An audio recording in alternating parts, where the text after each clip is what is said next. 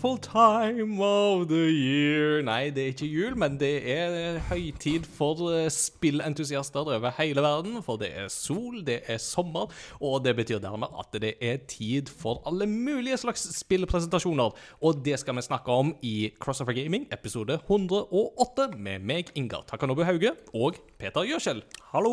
Hallo, Peter. Nå Hei. har Ompa-lompaene herja mye med deg i det siste. Uff, ja, fytti snakkes. Ja, eh, nå snakkes med. Ja, Og det er jo det vi gjør, men det har vært long time overdue, dette her. Ja, det ble det. Nei, ja, forrige uke da var jeg stygg dårlig. Jeg, tror, jeg tror ingen mann har vært så syk som jeg og overlevd noen gang før. I am Det- the sickest man you will ever meet. No. No one's ever been more sicker than I. Nei, så det, nei, det var, det var, ja, slitsomt. Også at det var liksom noen og 30 grader, føltes det sånn.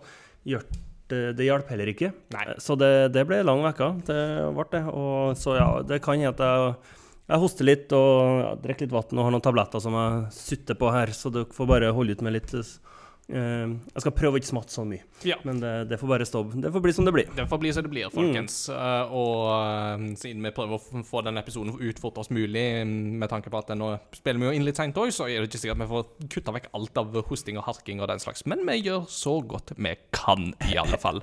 Men eh, Peter, sånn bortsett fra det, altså Sist gang så hadde vi jo egentlig litt lyst til å ha en liten rapport fra Paris. For du har jo vært i Paris og greia på en eh, aldri så liten CS-finale. Og det, Det, det stemmer nesten. Eh, ikke CS-finale, jeg var ikke der på finalen. Nei. Men eh, vi I var der sluttspillet? I sluttspillet, det var vi. Eh, det var en utrolig rå opplevelse. Bare det å kunne reise med en haug flotte karer til Paris i mai er utrolig fint. Eh, fruen var ikke like fornøyd med at jeg reiste til Paris uten hun i mai. Men det, det å reise på e-sportturnering, det er noe jeg virkelig kan anbefale. Det var utrolig artig Ja. å oppleve og kjenne den stemninga med tusen på tusen av gærne fans eh, som er der, og liksom du kjenner liksom trykket, da. Eh, fra fra um, publikum, og, og får liksom oppleve det som skjer live, da. Uh, og vi fikk jo så mye mer enn det vi har spurt om òg. Vi hadde bestilt uh, billetter til oss, ned på, fikk ordna plass nede på gulvet. Ja. Eh, Gutta på gulvet. Gutter på gulvet. Så når vi kom, kom vi dit litt tidlig. Kom inn mye tidligere enn det vi trodde vi skulle gjøre, så det var jo en god start. Og så kommer vi inn, og da er det dame som Ja, dere har den billetten der, ja. Da ta på båndene her, og så kan jeg gå inn eh, bakdøra der. Da, der er det sånn VIP-område. Eh, ja, så der traff vi jo mye interessante folk, og eh, fikk gjort uh, mye gratis drikke og gratis snacks og alt som var, og kunne henge der, det var litt mindre folk. og Så deilig. virkelig nyte livet. Og så fikk vi to, to gode CS-kamper i løpet av den kvelden der, med hvor da det norske laget Apex, eh, annet Thomas Alsgaard, er jo med der, Mm. som et av trenerne. Eh, trivelig fyr, snakka med ham etterpå. Det er så gøy. Det er jo artig. Trappa han og Nicholas Baarli og Petter Katastrofe og sto og pratet med dem etterpå. Vi var liksom de gærne nordmennene, vi som eh, skilte oss litt ut. Så da, ja. eh, Men ja, norsk Apex-lag som òg da gikk videre eh, mot eh, Og kun én av de eh, eh, spillerne der, Hakim ha, ha, Hakim, Hakim, Ja, nå, det navnet detter ut av meg hele tida. Som har liksom erfaring før, så han var liksom avskrevet. Og ingen hadde trodd at han skulle komme så langt, men så kom de jo søren meg til semifinalen, Hmm. eh, som var kult. Og lørdag så var det turister i Paris og sånn der, og så tilbake på hotell og se på stor på sånn ordentlig, en fin og stor TV. Ja. Eh, og sånn der, og ja, ordentlig, ordentlig fin helg. Mm. Veldig stas. Mm. Ja, Så bra. det kan jeg virkelig anbefale å, å anbefale e-sportturnering av alle slag. Jeg tror, altså det, det er artig samme hvordan, du går på. Mm. Mm. Så gøy. Og, og dette er jo den siste store CS-turneringen òg, før eh, Mm. CSGO går over til å bli CS2. Ja. Så det er jo spennende. Ja, København eh, neste år. mm. Så er det CS2. Ja. Og det er neste store eh, e-sportturneringa innen CS. Det blir spennende. Mm. Men Det hørtes veldig spennende ut. Vet du hva som ikke er så spennende, som jeg ikke kan anbefale? Det er å dette på sykkelen to ganger og brekke hånda og få et kutt i foten. Det kunne jeg fortalt deg på forhånd. Jeg òg, men uh, noen ganger så må jeg bare erfare ting litt sånn the hard way. Nei eh, Så det, det, det, antar- det har du gjort. Ja, det er liksom litt det, det jeg hadde pusla med. Det var liksom eh, Jeg føler meg som liksom den mønsteren satte. For at etter siste eksamensdagen var ferdig for sesongen, da tar jeg og liksom skader meg sånn at jeg må få gipsa hånda i to uker og få et kutt i foten og diverse, diverse. Så eh, når vi kommer så langt at vi skal snakke om hva vi har spilt i det siste, så blir mitt segment ganske kort, eh, Ja. rett og slett. Men apropos det, eh, dette er jo eh, litt sånn sesongavslutning. Og da er det jo, som sier sånn hører at vi har jo det som vi kaller for en høymesse. Eh, eller ja. det, Før så kalte vi det jo for E3-høymesse, for Mm. det var jo et fint ordspill. Eh, det klinger liksom ikke like godt med Summer Game Fest-høymesse, så da kaller vi det for Summer Game Fest-gudstjeneste Ja. i stedet for. Eh, klinger ikke like godt som E3-høymesse, vil jeg sjøl påstå, men det er da sånn den humoren vår en gang er. Kan ikke, kan ikke få alt. Nei da. Så eh, strukturen i denne episoden blir litt annerledes enn det dere er vant til. Så vi tar noen av de faste segmentene nå i del én, og noen av disse segmentene, sånn anbefaling og kuriositet og sånt, det går ut. Og så i del to etter pausen så kommer vi til å ta oppsummeringer. Og da, siden det er så lenge siden nå vi har hatt en episode, så blir det faktisk alt. Uh, vi begynner med PlayStation Showcase, og så går vi helt uh, fram til og med Capcom Showcasen, som uh, var etter Xbox-presentasjonen. Så dette blir en lang og innholdsmettet episode, folkens. Eh, Men eh, hvis du vil ha alt av sommerens spillnyheter på ett sted, så er denne episoden stedet å ta det.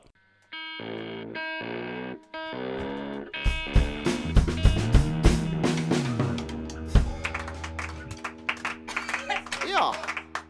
Eh, himmelsk lyd fra ungdommene. Eh, nå er det ukens kunngjøringer. Før vi kommer så langt eh, at eh, vi skal snakke om hva vi har spilt, så skal vi ta litt sånn generelle eh, spillnyheter i kunngjøringsspalten. Dette er da ting som gjerne har blitt annonsert enten før presentasjonene, som har vært nå nylig, eller som har blitt annonsert litt sånn innimellom, som litt, litt sånn ikke-relaterte nyheter. Så jeg tenker vi begynner litt i din uh, bane, Peter. Du har jo litt Total War-erfaring, hvis jeg ikke husker helt feil. Det, det, det, det, det er noen hundre timer der. Ja, Uh, Så hva tenker du om eh, Total War Pharaoh, som lanseres i oktober? Det er veldig spennende. Du har, du har jo allerede spill som er satt i den uh, epoken uh, ikke så tidlig, kanskje, uh, når jeg tenker på det. Du har jo, eh, altså Rome er jo kanskje det, det eldste. Så har du en del som er liksom på 1500-1600-tallet. Du har jo Tokyo, eh, Shaigun og en del sånn der. Så uh, Farrow det kan bli veldig interessant. Mm. Uh, og jeg er veldig glad i den, den sjangeren der. Uh, og har på mange måter nesten måttet ta litt avstand fra det, fordi at jeg sitter og spiller det, og når jeg ikke sitter og spiller det, så sitter jeg og har kartet i hodet og planlegger framover.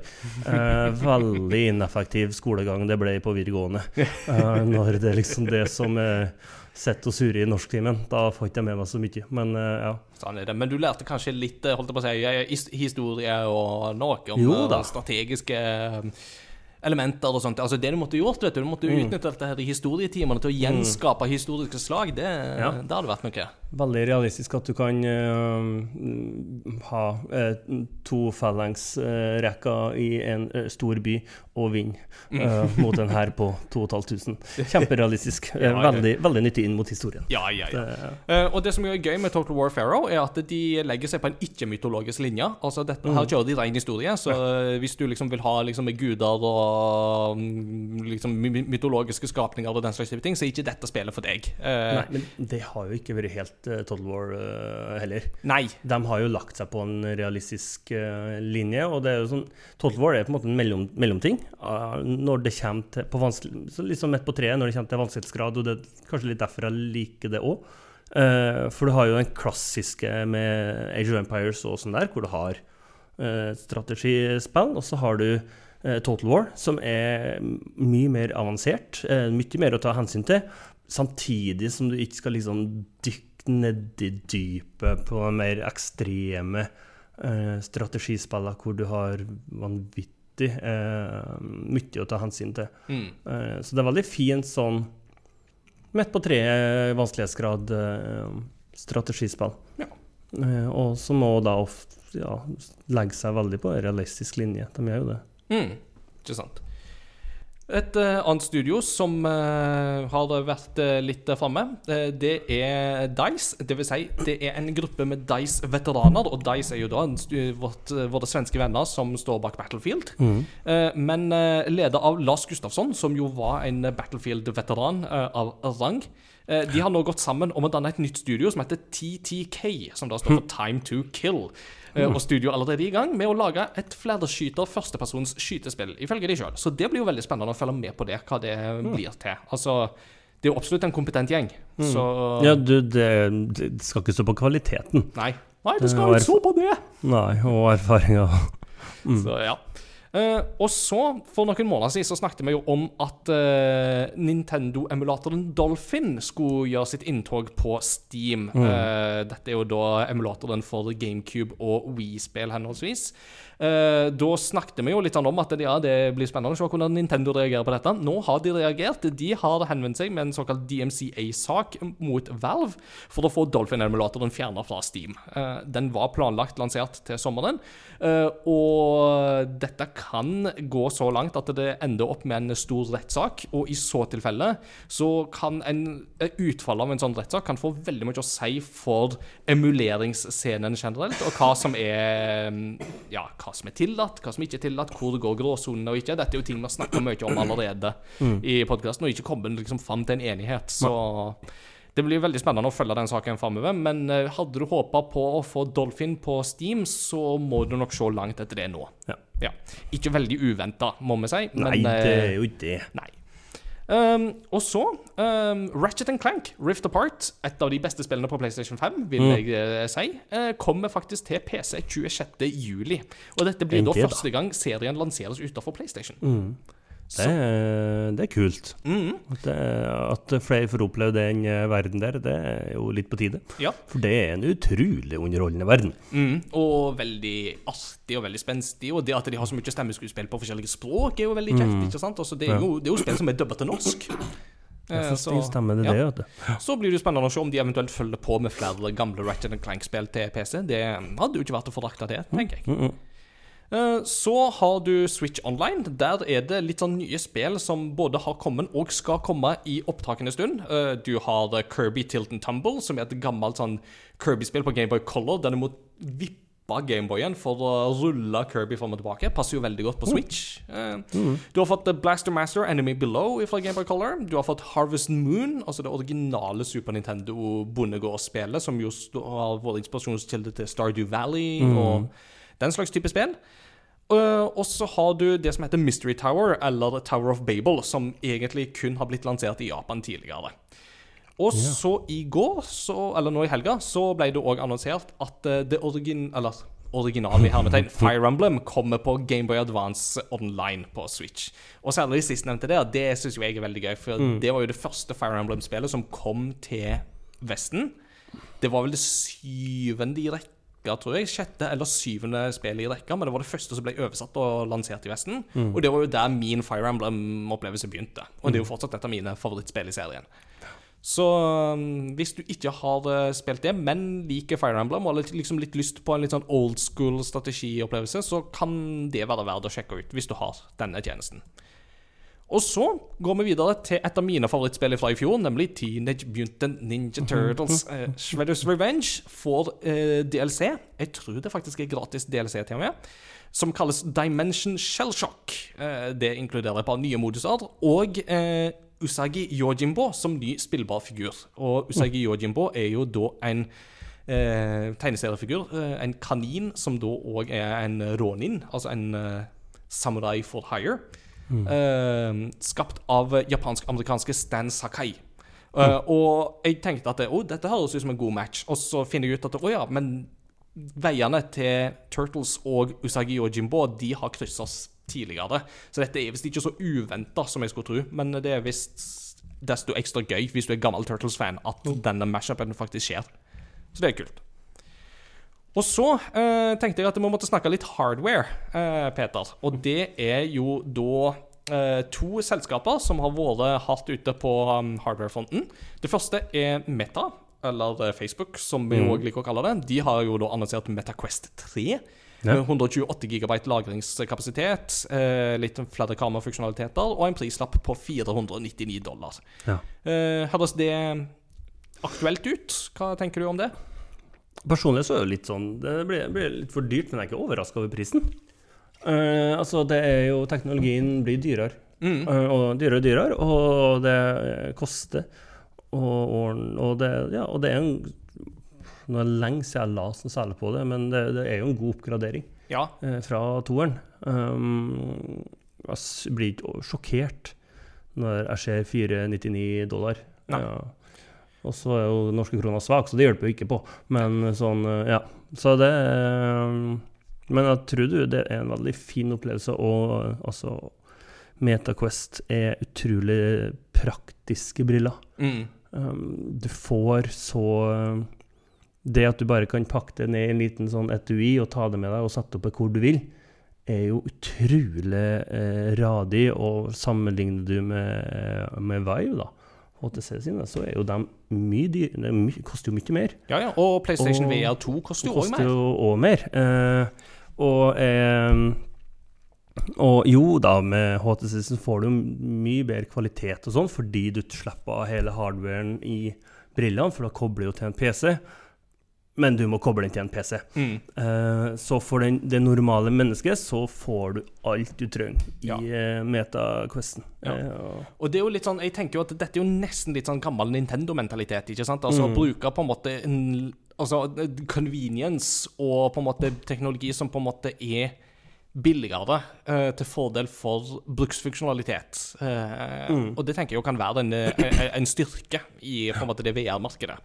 Mm. Uh, så du sammenligner med Apple, da ja, uh, for, for, for, for de har jo òg vært ute nå og hatt en lang eh, presentasjon. Og var høydepunktet her var jo, um, som kanskje forventa, Apple Vision Pro, som Mm. da er deres eh, VR-headset. Og altså, du hendelse, det Og så- ser jo money ut. Ja, og altså, veldig artig at vi sitter og diskuterer om 499. Er det, er det en grei pris?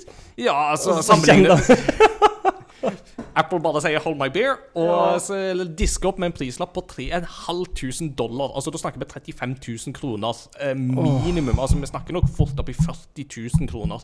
Men det jo disse brillene her satser på, det er jo på en måte en helt ny VR-funksjonalitet. ikke sant? Altså. Med på en måte briller som ser rett ut ifra Ready Player One, med en sånn at du på en måte får et slags sånn der, eh, En sånn user interface over på en måte Nesten som en Ja, sånn ja. AR-opplevelse.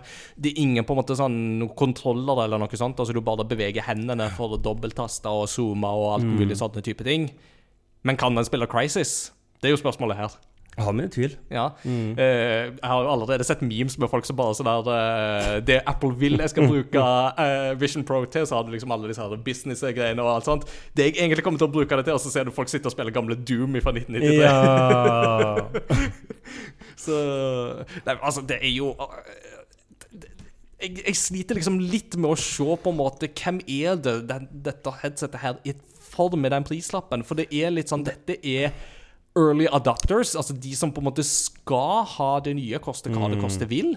Og det er folk som kanskje kan på en måte kjøpe det inn for liksom til businessen sin for å ta det liksom en sånn tax write-off. Altså Ja. at de på en måte kan skrive, holdt på å si få, få litt eh, av på skatten ved å kjøpe inn noen sånne ting, type ting som det der.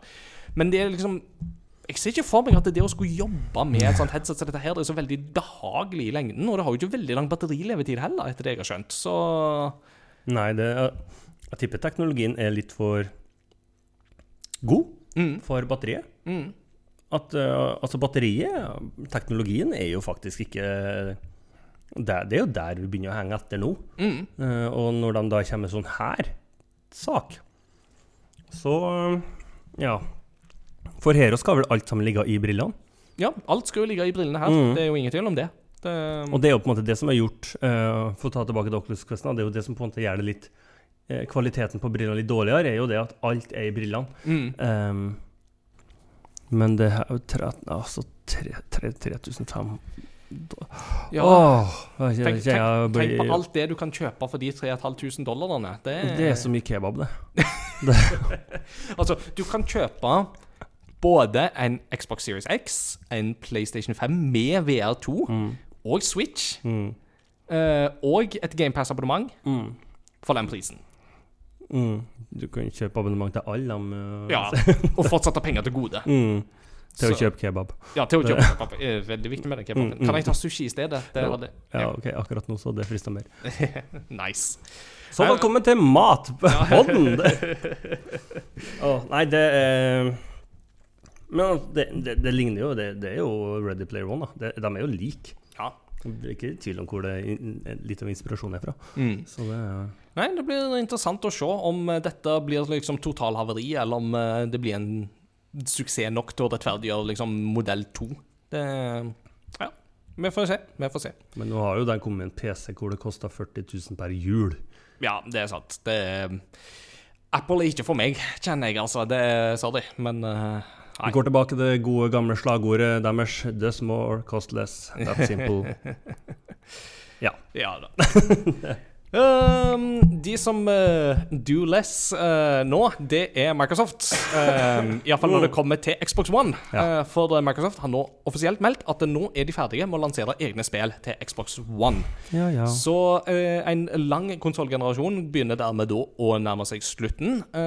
PlayStation, eller Sony, faser jo òg ut i mye større grad. Um, Horizon Forbidden West, DLC-en, kommer jo ikke til PlayStation 4, f.eks. eksempel Mm. Eh, det er ikke dermed sagt at det ikke kommer tredjepartsspill til Xbox One lenger, men X og Microsoft sjøl kommer ikke til å lansere sine egne spill framover. Så sånn som Starfield, Hellblade, uh, you name it. Alle de spillene der vil da kun være til Xbox Series. Så um, det er jo sånn som skjer, men Det, eh, ja. det er ikke så overraskende. Nei, det er jo ikke det. Og det, for det, det er mer arbeid, og det, jeg vil påstå det svekkes de nyere spillene. Ja, det, det, på dette tidspunktet så gjør det jo det. Mm. Eh, Og, nå, og nå er det ikke vanskelig å få tak i verken en PlayStation 5 eller en Xbox, så nå Ja. er det jo mest kostnadene det står på. Mm. Ikke sant? Men alle disse konsollene har jo sin livssyklus, og det er jo sånn, sånn det er. Eh, og så, eh, helt til slutt, eh, Embracer Group. Det er jo en, svenskeid, et svenskeid konglomerat som jo har slukt en rekke små og mellomstore selskaper de siste årene. Og man har jo tenkt at eh, hvordan i all verden kan de ha penger til alt dette her? Det kan jo ikke svare seg, og det viser det seg at det gjør de ikke heller.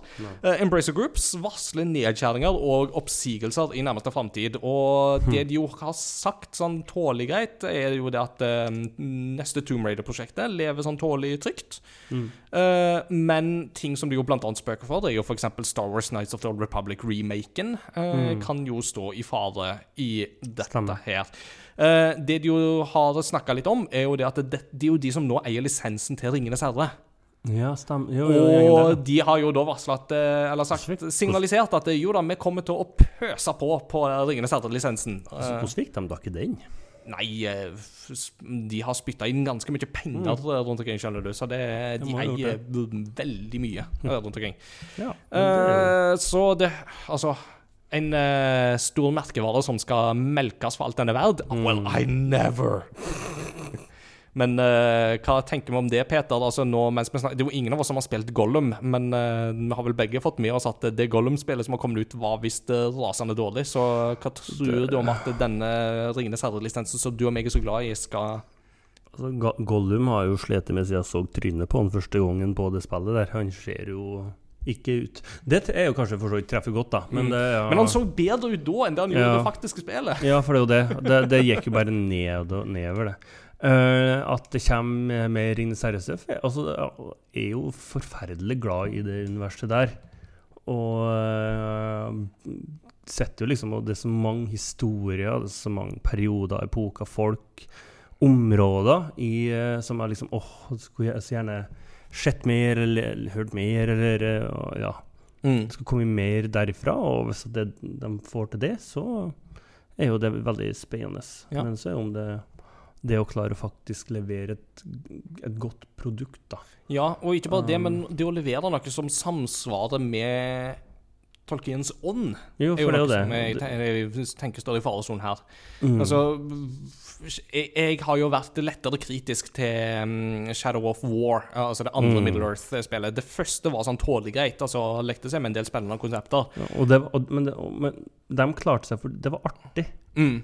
Det var altså Og spillmekanikkene og ja, det å sitte og spille selve spillet, det, det, det var artig. Mm. De fikk det den kampsekvensen veldig godt. Mm. Uh, men jeg snakket litt eh, så, så vidt i dag så hadde jeg en liten chat med eh, An Anders, som uh, vår venn i spill.no, som uh, har vært gjest her et par ganger.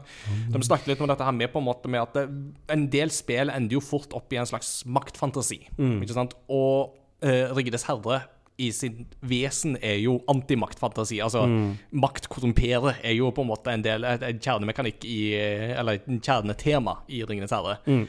Uh, og da er liksom spørsmålet hva sitter du igjen med da? Hva kan du eventuelt gjøre i dette? her? Men et konsept som jeg jo tenkte på i farten, var jo at det kunne jo for vært artig hvis de hadde klart å gjenopplive Kampen om Midgard-serien. Mm. Uh, og da eksempel hva om de hadde satt det til første tideverv? Mm. eh, og lage et uh, grand strategy-spill med, i, med alvenes krig mot Morgoth Mm. i Beleriand i første For- tideverv. For eksempel, det hadde vært kult. Det, det, det er jo noe som faktisk kunne ha funka. Mm. Uh, så Embracer Group, hvis dere hører på, den ideen skal dere få av meg. Mm. Så make it so.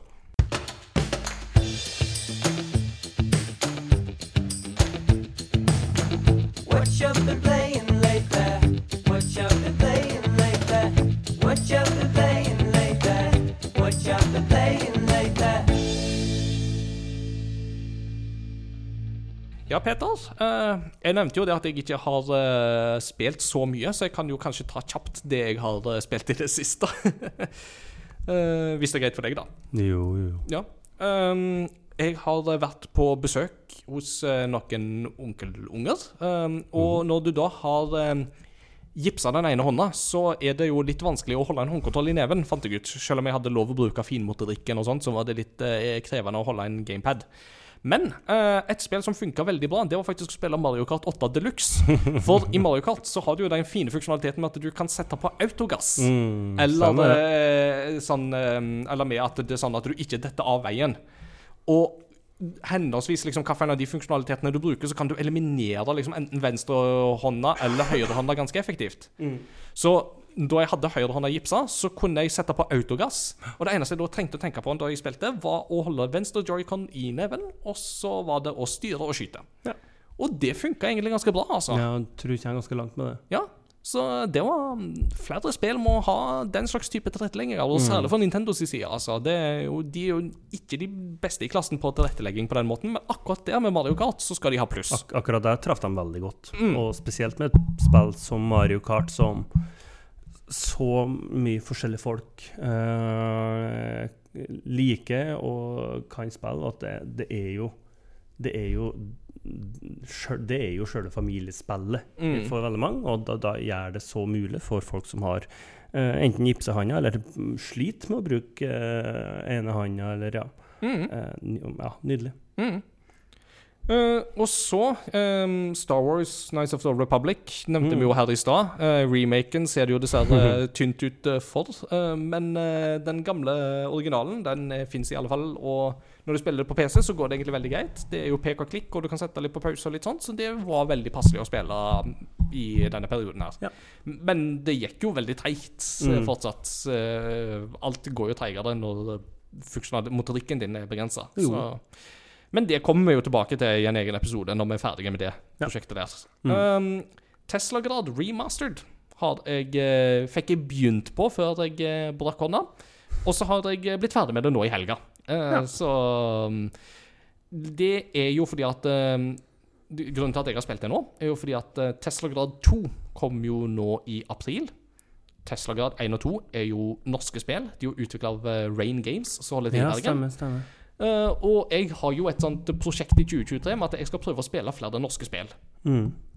Eh, så da Tesla Grad 2 bare ble snikdroppa, så hadde jeg ikke anledning til å anmelde det. Og jeg har jo lenge hatt lyst til å spille det første spillet, sånn at jeg kunne være klar til toen. Mm. Så nå har Men de slapp jo en remaster av det første spillet i samme slengen. Og hvis du da eide Ja, originalen, ja. så kunne du oppdatere for en tier. Ti kroner for å oppdatere. Så det var jo veldig greit. Så da fikk jeg oppdatert. Utrolig greit, Ja, egentlig. Altså. Veldig greit.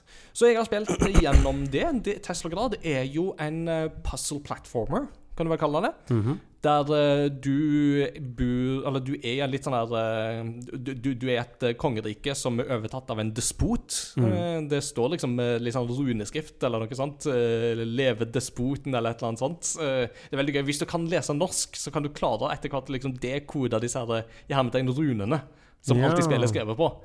Så for, det, for det er skrevet på norsk, det er bare at det er med litt sånn krøkkete skrift. Eh, Rune som, Runa som skriver på norsk. Ja. Mm. Ja. Ja, rett og slett. ja. Eh, men eh, i dette her så er du en ung uh, mann som uh, em, blir det jaga inn eh, av omstendigheter. Dette blir litt sånn forfulgt og litt sånt. Så blir du jaga inn i et eh, tårn som mm. tilhører en sånn gammel magisk orden, der de har drevet og fiksa og triksa med litt elektrisitet og magnetisme.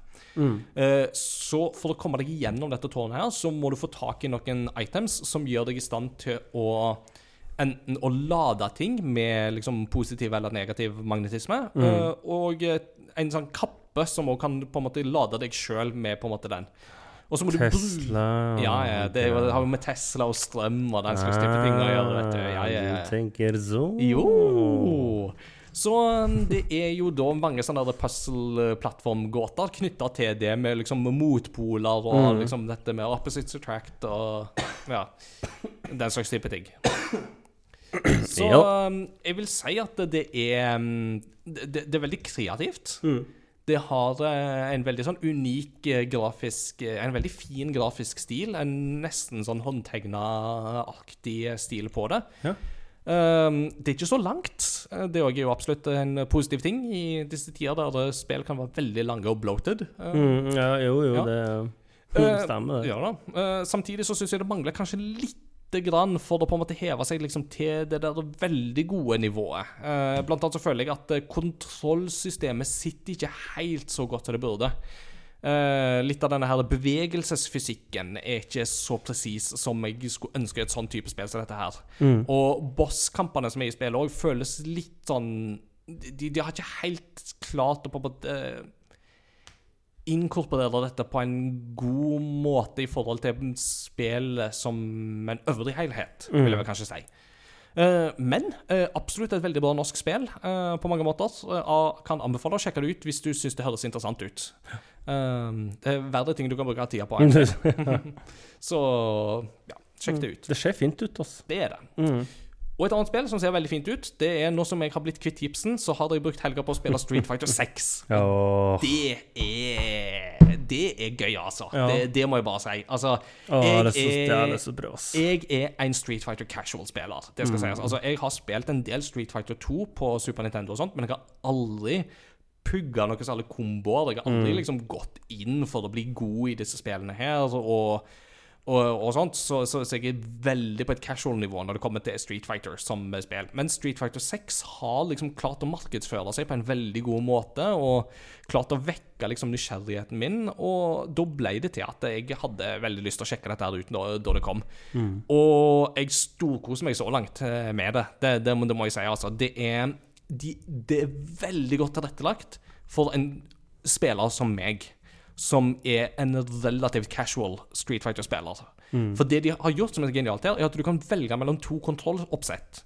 Du kan velge det klassiske kontrolloppsettet med seks knapper, som man jo har hatt i Street Fighter, altså som da er type de fire knappene på en PlayStation-kontroll og de to skulderknappene. Da er det på en måte seks seks knappoppsettet, f.eks. eksempel Og da bruker du det til disse klassiske komboene for mm, Hadoken, Shoryuken og alle disse klassiske Street Fighter-angrepene.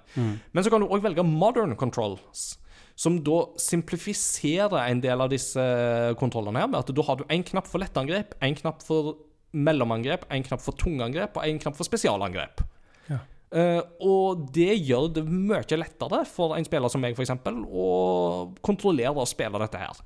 Og jeg merker at det funker veldig, veldig veldig bra. Mm. det er, dette er et spill som bruker god tid på å lære deg opp, men som ikke drukner i et altfor komplisert opplæringssystem. Det er smooth presentasjon. Altså, det ser bare så bra ut, dette spillet her. Eh, Jevnt over så er det kule omgivelser. Eh, figurene du spiller med, er jo så bra realiserte. Eh, dette er jo det spillet som er satt sist i um, seriens interne kronologi, så du ser liksom at figurene er blitt eldre og litt sånt, og jeg liker hvordan figurer som Chun-Li og du ser ut nå, altså når de er liksom eldre. og sånn, så og, og altså, er det så gøy, vet du, for sånn som du, for eksempel, er jo Han har jo fått skikkelig skjegg, han er blitt skikkelig bøs, og var som ikke var det fra før.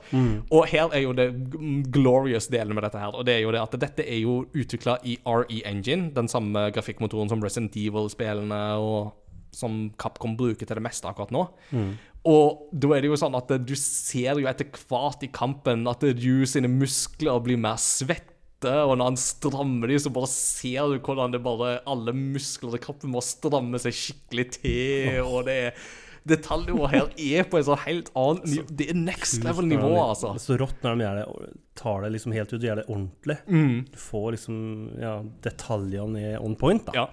Uh, og um, musikken er dritkul. Altså, Det er så kult soundtrack i dette spillet. Det er sånn skikkelig sånn hiphop R&B-beats i dette, som egentlig er veldig langt fra min sjanger, men så bare nailer den der følelsen som passer dette universet så bra, syns jeg.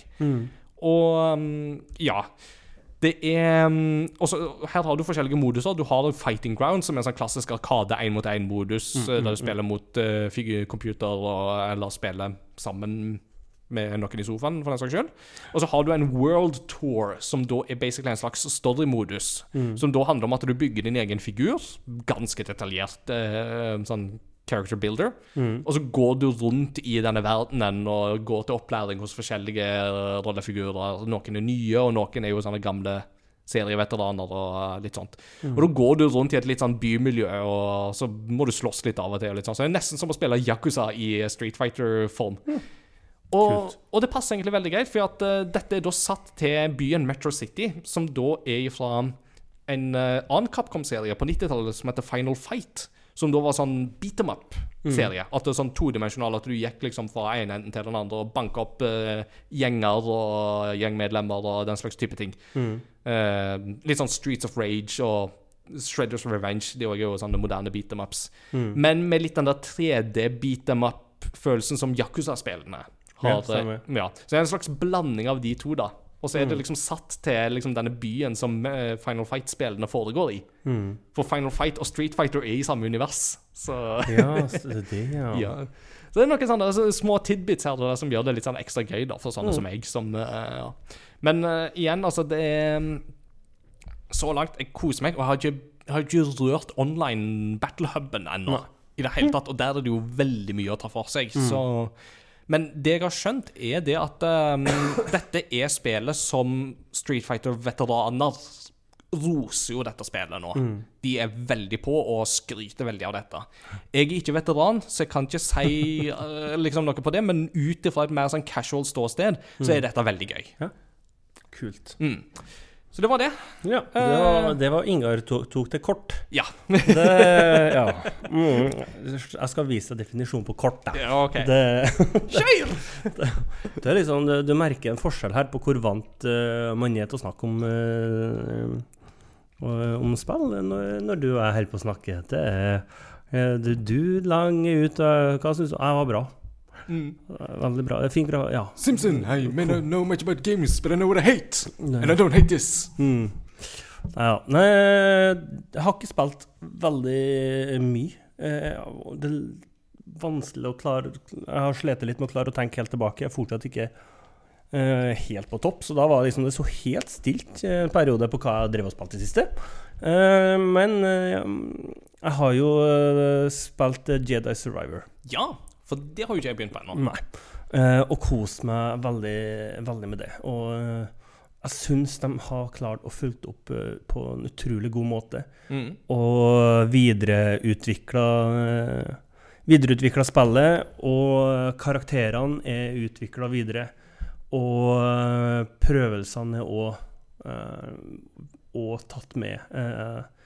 Og, så det har vært en utrolig fin opplevelse, med, hvor du har fått reist eh, rundt. Eh, Det er litt eh, Nå er det en mer blandings av åpen, litt mer åpen verden. Mm. Samtidig som du har flere baner, verdener, eller ja, hvor du har litt sånn som det var veldig preg av i første, hvor du har du, veldig tydelig løype du skal gå. Mm.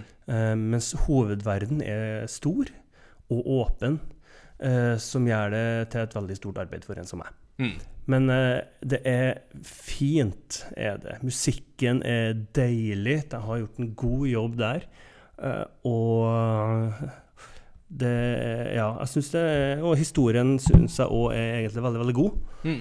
Eh, hvordan de fortsetter liksom det arbeidet som blir starta på Mm. eh, i, eh, i Einer. Jeg kjente nok at det var litt for lenge siden jeg hadde spilt Eineren. Mhm. Det var liksom det jeg satt inn med når jeg var litt sånn uti der. Og så bare Å, ja, stemmer det. Det var det, det der, ja. Og sett liksom og kjenne litt på, på det. Ja, så du, det, det Mm. fortsatt kjekt å henge sammen med mannen med det mest fantastiske Star Wars-navnet for en nordmann, Gris Tridus. Ja. Ja. Så det eh, Jeg tror ikke så mye på Nei. Eh, ja, eh, men det er Nei, så jeg syns de har gjort en utrolig god jobb med å holde videre. Eh, helt til at jeg prøvde meg på platinumen, da. Ja, for Altså, du har jo en sånn platinum curse. For, for, for de av våre lyttere som ikke henger i uh, vår Discord så veldig aktivt, eh, gi oss en kort oppsummering av din uh, platinum-plage. Eh, Nei, så du vet Hardbox Legacy, da? Ja. Det har jeg jo drevet og spilt med eh, rundt omkring i lange og brede og fløyet verden rundt for å få til platinum. Uh, men der er det jo en bug da som gjør det sånn at jeg får ikke Det ene, ene et sånn ting Du skal ha en sånn uh, uh, Hva er det? Papir som du skal ta og plukke opp. Den har jeg plukka opp. Den er i inventorien min. Men den eksisterer fortsatt på kartet, så den er ikke registrert som plukka. ene tingen du skal gjøre for å få platinum, eh, det er jo å energimenten, er jo å samle alle de objektene. mm. Ja. Og sånn er det. ikke det. I Jedi Survivor, det er ikke en veldig stor spoiler, det er fortsettelse av eneren, om ikke selv helt feil. Bounty Mm. er jo en greie. Uh, du skal få ta Bounty Hunters, og så Ja. Plutselig så fikk ikke jeg noen nye, da. Hmm. Og da får ikke jeg tak i den siste. Åh, det, det, det, det, er sårt. Jeg er kjenner det Sånn, Det, det, er vondt. Du kjenner liksom den på kroppen begynner å gjøre da, at, eh, at er noe her eh, Ja. Mm, Da, at, da hadde jeg òg blitt liggende febersjuk i Ja. en ukes tid. nei, Altså. det her var midt i feberen, så jeg hjalp ikke akkurat på, da. Jeg prøvde liksom å bli ferdig, og har lett og har lett og har lett, og jeg sprang Jeg gikk jo på Google til slutt for å prøve å finne ut hvor de er hen, men du, ja. Ja. Ikke Jeg har ikke funnet noen flere. I sense a great disturbance in the force, as if uh, Peter Gjøskjell cried out in terror and was suddenly silenced. I fear something terrible has happened. Mm. Nei, men det er et, et spill som jeg virkelig kan anbefale. Mm. uh, er det. Og det had, jeg, jeg klarte ikke å bestemme meg om hva jeg foretrakk, om jeg skulle ha det i performance eh, mode, eller om jeg skulle ha det i eh, Resolution. resolution også. For det, det Begge to hadde sine store quirks. Mm. Eh, skulle ha det stabilt på framesa, så gikk det ganske kraftig utover grafikken. Mm. Um, og det var, det, var, det var faktisk ikke så ofte at, eh, at det legga an sånn at det ble et problem. Hvis jeg hadde legg, så var det på sånne rare plasser som okay, Her skjer det jo ingenting. Uh, og da gjorde det meg ingenting heller. Eh, så det, så jeg, har- jeg har hatt ganske lite problem, lite bugs, bortsett fra den ene store her, som jeg Mm. vil nesten påstå en glitch. Øh, så det er Nei, så jeg syns det funka, funka veldig, veldig, veldig godt. Mm. Uh, de er klar over den bugen nå, uh, og har sagt at de skal fikse det. Uh, det, tok tydel- det har tydeligvis tatt litt tid, for det er sånn fire uker siden. Ja, de har jo hatt litt å stri med med det, det- spillet der, så ja. det er jo klart at det Ja, Mm. vi får bare se. Håpe at de får fiksa det, rett og slett. Og så har jeg rukket å spilt eh, ish, halvannen time i Selda. Halvannen time, ja. Uh, yes, det var i Paris. Uh, og så har hatt det så- og så kan jo ikke spille to sånne spill samtidig. Nei, nei, nei. Så da var jeg mest i gang med Jedi. Så da fortsatte jeg med det når jeg kom tilbake. Og så skulle jeg liksom komme i gang med det neste vekka, men det å komme i gang med et spill når du har influensa og feber og det er alt og alt og altfor varmt i hele verden, eh, det ble for tungt. Mm. Eh, så da har jeg liksom ikke klart å fortsette med det. Men det er liksom planen å ta i ferie nå, da. Mm. og sysle med det og kose meg, kose meg med det. Så det ser jeg veldig fram til. Jeg, veldig, jeg har på en måte fått intro, introen, jeg har fått liksom komme i gang, og eh, det, det, det er en kul start på et spill, altså. Det er det. Altså, det, det, er, det er Et rett på sak. Ja. Det var ingen krumspring, det var rett på, og det er liksom bare OK, nå kjører vi. Mm. Eller flyr vi, alt ettersom. Mm. Eh, Så det var Nei, det var det, Så det gleder jeg meg veldig til. Um, og så i går så tenkte jeg at ja, bare sjekka ut eh, på PlayStation Plus Mm. og oppdaga at å ja, jeg har NBA 2K23. Eh, Jeg har flere venner som, som spiller basket. Eh, Ja. Hvordan er det? Så det, det prøvde jeg. Mm. Jeg er ganske god i angrep, har ikke snøring på hva jeg skal gjøre i forsvar. Jeg skjønner seriøst Jeg, jeg fikk ikke til det greia der. Men, eh, Angrep er det beste forsvar, Peter. ja, men det er ikke så lett i basket. Da, det er ikke sånn det funker. Uh, men det er et kult konsept. Jeg liker det veldig godt, og det er veldig virkelighetsnært. Er det, og det ser bra ut. Jeg tok jo naturligvis og starta med et all-star-lag. med der var det mange nok navn som jeg har hørt om før, Mm. så det var artig. Um, så syns jeg det var, det var kult. Absolutt. Og Tony Hawk Pro Skater har Ja. jeg òg tatt opp, faktisk. eh, Litt. Det spilte jeg jo på PlayStation Nå var det? På to eller tre, eller? eh? Ja, altså, det var jo på både én og to, Ja. i alle fall. Det Mm, var jo liksom, da det var jo da det var på da- sin storhetstid. ja, det var nok eh, PlayStation 2 jeg spilte på, Ja. eh, vil jeg anta. Eh, Og uh, syns jo det er fryktelig kos. Ja, for det du har Det spilt her, altså det er jo den her 1 pluss 2-remaken. Ja, det er remaken jeg har spilt. Ja, jo, jo. Det, det, selvfølgelig. Mm. Um, men det, altså, det er spill som du på ja, Er du litt sliten, eller nå har du lyst til bare å kose deg litt, Mm. så kan vi bare ta opp litt, ta opp litt Tony Hawk, og så bare stå på, stå på et brett med null risiko for at Ingar skader seg. Mm. Og Veldig det- viktig. Og, syns, og kose meg veldig veldig med det. Så det var stas. Mm. Ja, og altså, det var jo litt av det der som Mats Jakob òg trakk fram da han Mm. hadde spilt det og skrøt av det, var jo nettopp den der med liksom pick up and play-faktoren, Ja. som jo er veldig deilig med et sånt type spill. ikke sant? Og så du Mm. plukker det opp til to-tre minutter, og så ferdig. Ja, Det det, det er det også. Det, det er ikke vanskeligere å gjøre og triks enn at det er bare å plukke det opp og prøve seg litt fram. Det er litt av den appellen jeg kjenner med Street Fighter 6 òg, akkurat Mm, nå. liksom. det- det at, tror jeg på. Ja, at om ikke, altså, om ikke annet så kan jeg liksom bare plukke det opp og så ta en én-mot-én-kamp i Fighting Grounds, Mm. bare for å liksom prøve meg med en ny figur eller et eller annet sånt, og så bare ta én, to, kanskje tre kamper, og så bare Ja, det var det. Ferdig. Mm. Altså Den pick up and play-faktoren er veldig viktig, altså. Så det, det er fint. Mm. Mm.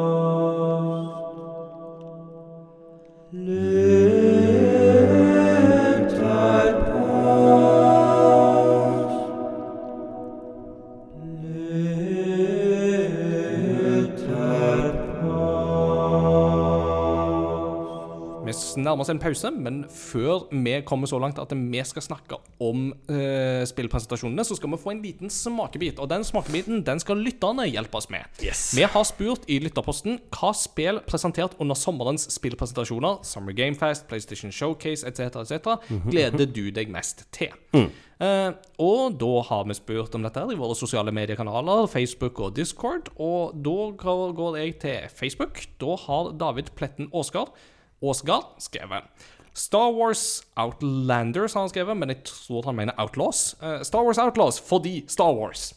Den kan vi jo stille oss bak. Det er jo en, er en god grunn. Ja. Uh, Spiderman 2 blir også helt nydelig. Det nye Lord of the Rings-spillet er jeg derimot skeptisk til, for animasjonene ser ut som barne-TV på tidlig 2000-tall, og Gollum var jo en fadese. Ser også frem til Hellblade 2, selv om de ikke lager det til PlayStation. Ja, jeg syns det høres ut som en eh, god liste å glede seg til det, altså. Ja. Absolutt. Vil du ta neste? Mm, det kan jeg gjøre. Jeg går på, kjører på med Godspark. jeg. Ja, gjør det.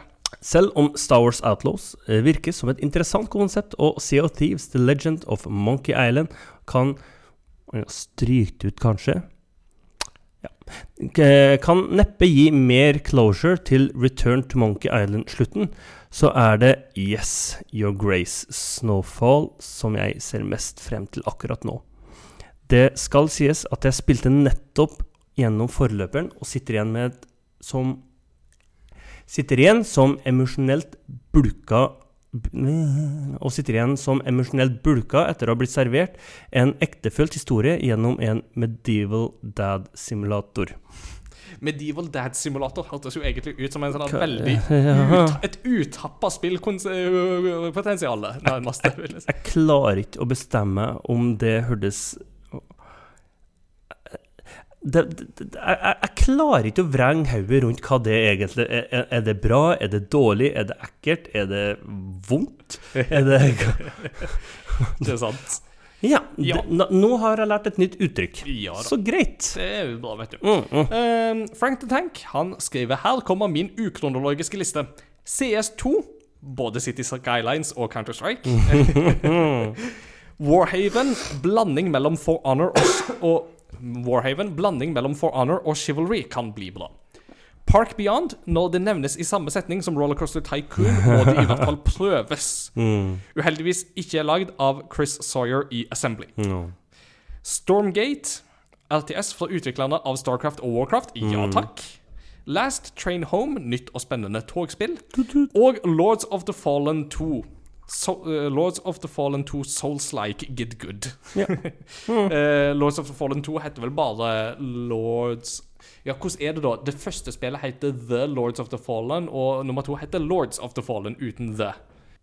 Sikkert. Ja, det, det er en av to. Altså, jeg blander i alle fall disse to her, så, Mm, mm. men eh, det er iallfall det nye opplegget der. som Vet ikke du det, Ingar, kjære venn? ja, nei, det Og du kaller deg ypperste prest. Jeg kaller meg ypperste prest. Ja, men du vet ja. at selv ypperste presten måtte ha tau rundt ankelen da han gikk inn i det aller helligste i tilfelle han hadde synd, sånn at hvis han daua, så måtte de kunne dra han tilbake igjen. Så jeg jeg eh, Mener du at det skal feste et tau rundt foten din, siden du ikke vet om det er det eller ikke det? Ja, for at eh, vi i Mm. verste fall så ender jeg jo opp med å tryne på sykkelen igjen, og da, er, da sitter vi her. Så, Og den muligheten er jo veldig sannsynlig, det har vi jo skjønt. Ja, ja, ja. Mm. Harde greier. Ja. Vil du ta neste? Det skal jeg få til. Kristian Komlesson. Synes Prince of Persia Dread Beklager. Mener Lost The Lost Crown virker spennende. Ikke blodfan av designet på hovedpersonen, det skjønte jo i starten her. Eh, Jeg begynner visst å bli gammel, akkurat der må jeg si meg enig. Men det ser like det ser veldig gøy ut likevel, og det er jo faktisk Altså, um, Mm. har jo sjøl et forhold til, til Prince of Persia. Har spilt ikke de hundgamle, Mm. uh, men de som var på PlayStation 2 Ja. Sands of Eh, Time og mm. Warrior Within og Ja, Ja. de, de spilte jo, og Ja. har veldig godt uh, uh, forhold til. Og Reznaman, som kom inn her, er jo annerledes. Er ikke det man liker å si? Jo. Uh, når Ja, og altså, altså, Her må vi jo på en måte komme, kanskje komme med en liten presisjon som kan være greit. Altså, Noe av internett har jo reagert på at uh, den nye hovedpersonen ser ut som han gjør, og dessverre så er det jo da noen som reagerer på at han er mørkere i huden enn uh, vår gamle persiske prins. Det er ikke der vi er. Uh, jeg tror det handler mer om holdt det på å si, attitude og dreads og eh, klær og den slags type design. Det, det er ikke holdt det på å si, et det, det er ikke holdt på å si en hudfargeproblematikk som jeg nok tror verken uh, kobles opp eller altså, Vi er ikke en sånn type, et sånn type community. um, Jeg jeg la ikke merke til at den var mørkere i huden. Nei, ikke Det- sant? det var ikke det jeg og det er så på. sånn- og, altså, Jeg altså, du, hvis du er fra Midtøsten, så ser du ikke ut som en nordeuropeer. Mm, Nei, det er helt riktig, det. Der er du god. Det, det, det er liksom Det er relativt naturlig, vil jeg jo si, så um, ja. Eh, men eh, jeg er veldig enig. Eh, det var en positiv overraskelse. Mm. Og igjen utvikla av samme team som utvikla Rayman Origins og Mm. Rayman Legends i sin tid. Og de har jo ikke et nytt Rayman-spill på gang, så det er jo veldig gøy at de lager noe annet todimensjonalt. Mm. Det Ja, det veldig er 2D er jo interessant. Ja. Det er kult med gode 2D-spill. Det kan være veldig, veldig bra. Mm. Og det er jo som de sier, altså han eh, hinter jo litt til Metroid Dread her, eh, og det er jo litt sånn gøy, ikke sant, at eh, den type Metroidvania-aktige spill har jo fått en liten sånn renessanse nå de siste årene, så da blir det jo veldig artig å se. Eh, mm, ellers så har Peter nå et bilde av meg der han holder opp Prince of Persia The Sands of Time remake, der det bare er hovedpersonen Eivor fra Assassin's Creed Valhalla i Ja. bakgrunnen. Mannlig. OK. ja, Anyway.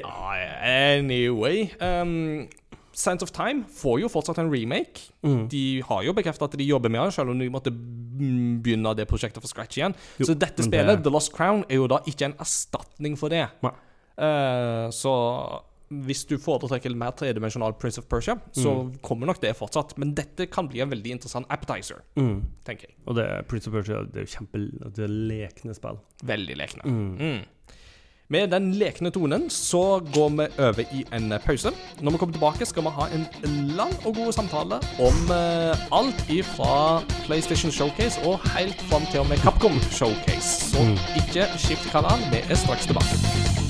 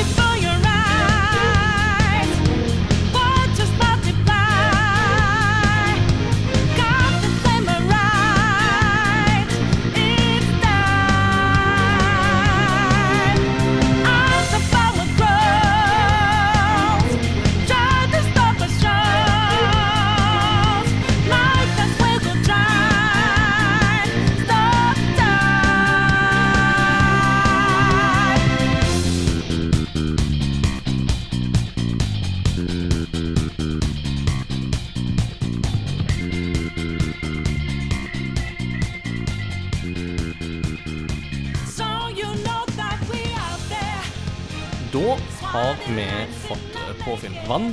Vi har eh, Vi sitter og sutter på noen tabletter for å ikke hoste og kremte altfor mye. For nå nå skal vi snakke i det vide og det breie om alt som har vært av spillnyheter de siste ukene. Det er et høydepunkt hvert år når sommeren kommer, for da kommer liksom alle spillmakere ut av sine skap og mørke kroker og studioer, store og små, for å vise hva de har holdt på med i det siste, og hva som har i vente. E3-messen er jo ikke lenger. Den er jo mest sannsynlig historie for godt. Eh, Kommer mest sannsynligvis ikke tilbake i det hele tatt. Det, uten at det er liksom helt 100% avklart ennå. Men eh, det finnes jo likevel mange ting som har vært presentert i det siste. Og de eneste av de liksom aller største som har mangla, det er egentlig Nintendo. Som per eh, snakkende stund ikke har hatt en uh, direct ennå. Men de cruiser nok godt på Tears of the Kingdom-suksessen. Og er bare sånn Nei, vi trenger ikke gi ut noe akkurat nå. Det, det går fint. Uh, så er det, um, det Det interessante der er jo det at de har jo et nytt spill som er på vei, som kommer nå i slutten av måneden, som heter Everybody's One Two Switch. Som er en oppfølger til One Two Switch. Dette her, denne minispillsamlinga som ble lansert ved lanseringen av Switch, og som egentlig var veldig lite å rope hurra for. Dette Everybody's One to Switch er visstnok så dårlig at ryktene sier at uh, studioets interne kvalitetstestere ikke orka å spille tingene ferdig og sånt da de drev på å teste det, og at, uh, studio, at det var folk liksom internt som bare var sånn Vi kan ikke gi ut dette, for det vil sverte vårt navn og rykte. Så når ryktene sier det, uh, så lover jo ikke det så godt for spillet til lansering. Men um, vi får se når den tid kommer. Så, Peter, det som er tanken her nå, det er at eh, jeg har prøvd å liste opp det meste som har blitt presentert på disse messene, der jeg har eh, klart å henge med. Ja. Og eh, det er ikke alt vi kommer til å gå like mye i detalj på, Nei, men eh, vi går liksom Da blir vi satt an til blir vi- vi blir neste Summer Games. Ja, ikke sant. Så, men hvert fall hvis du satte i gang. Ikke sant. Jeg skal Det ment som et kompliment. jeg, lo jeg lover å fatte meg så mye korthet som mulig i dette, her, for her er det mye å ta av. Så jeg har ikke tenkt å mm, prate folk i hjel på dette her. Men eh, vi tar det liksom litt sånn som det kommer. Hvis, vi ser, eh, hvis det er noe som bare var sånn Å, det vil vi snakke litt mer om, så gjør vi det. Så vi begynner med PlayStation Showcase, som var 24. mai. Eh, jeg og Jon Edvard eh, nevnte jo dette så vidt i forrige episode. Og nå har den vært, så den på en måte sparka litt det hele i gang. Eh, aller først så fikk vi se et spill som heter Fear Games. Og når et spill har liksom bytta ut bokstaver med symboler, da er det alltid et dårlig tegn i min bok. Eh, her har de jo bytta ut S-en på slutten med et dollartegn. Dette ser ut som en sånn her eh, team shooter, eh, der man skal type bryte seg inn hos rike folk og stjele fra de rike fordi at eh, drit i eh, 1 på toppen. eh, Ja. ja. Total anarchy, basically. Uh, Trigga ikke interessen min, for å være helt ærlig. Um, Nei, altså, jeg syns det, det virka det, Jeg klarte ikke å bestemme. Hvis du har liksom en god gjeng Mm. god og liksom å spille med, så ser jeg for meg at det kan være ganske god stemning. uh, siden du har jo forskjellige karakterer med forskjellige egenskaper. Um, hvor du, hvis du da klarer å finne din rolle, liksom, Mm. så tror jeg det her kan være et spill som ja, kan eh, gjøre være veldig artig når du får et godt samarbeid, når du liksom får eh, eh, Hvis du legger en plan og gjennomfører det, og tillegg, altså det jo, og så har du en sånn deilig sammensurium av et kaos, Mm. eh, virker det som. Ja. Så jeg tenkte mm, det her kan kan funke. Mm. Uh, det virka som du, Litt som de prøvde seg på sånn eh, GTA Online eh, kun med liksom at du skal rane, eh, og kjørt bananas på eh, en del områder. Mm. Jeg fikk jo litt mer sånn Hitman-vibes, bare med flere spillere i stedet. Mm. på en måte. Men, men det, allerede her så toucher vi innom på en måte en ting som jeg sitter igjen med som ikke en Kanskje den mest positive eh, Eller det mest positive jeg sitter igjen med etter disse presentasjonene. Og det er det at det særlig på PlayStation-showcasen det er veldig mye fokus på flerspiller. Veldig mye fokus på type sånn flerspiller-shooter-opplevelse. Og det markedet der, det er ganske trangt allerede. Og jeg tror det er grenser for hvor mange sånne spill du kan ha på markedet. Altså, vi har jo allerede sett flere sånne spill som har kommet og gått. eh, og jeg kjenner at for min del, det er ikke det jeg først og fremst er på jakt etter. altså. Det, det treffer ikke meg, dessverre. Det, det gjør det ikke. Men en ting som er verdt å nevne her med Fair Games, er at det er det første spillet fra Haven Studios, eh, som er det nye studioet til Jade Raymond. Eh, og Jade Raymond var jo mm, blant annet en veldig sentral utvikler da hun jobba med Assassin's Creed. Ja, I sin stemmer. tid. Hun var jo òg veldig sentral i Google under Google Stadia-utviklinga, og det gikk jo dessverre ikke så bra. Og det har egentlig vært litt sånn gjenganger for en del av Jade Raymond sine prosjekter etter Assassin's Creed. Har liksom vært at det har ikke lykkes like godt. Så ja, det spørs uh, om uh, det lykkes denne gangen heller. Et annet spill som var litt i samme bane, men som virka litt gøy for, gøyere for min del, det var Helldivers 2, som basically var en sånn her eh, Gå rundt i verdensrommet og skyt ting for uh, menneskehetens beste.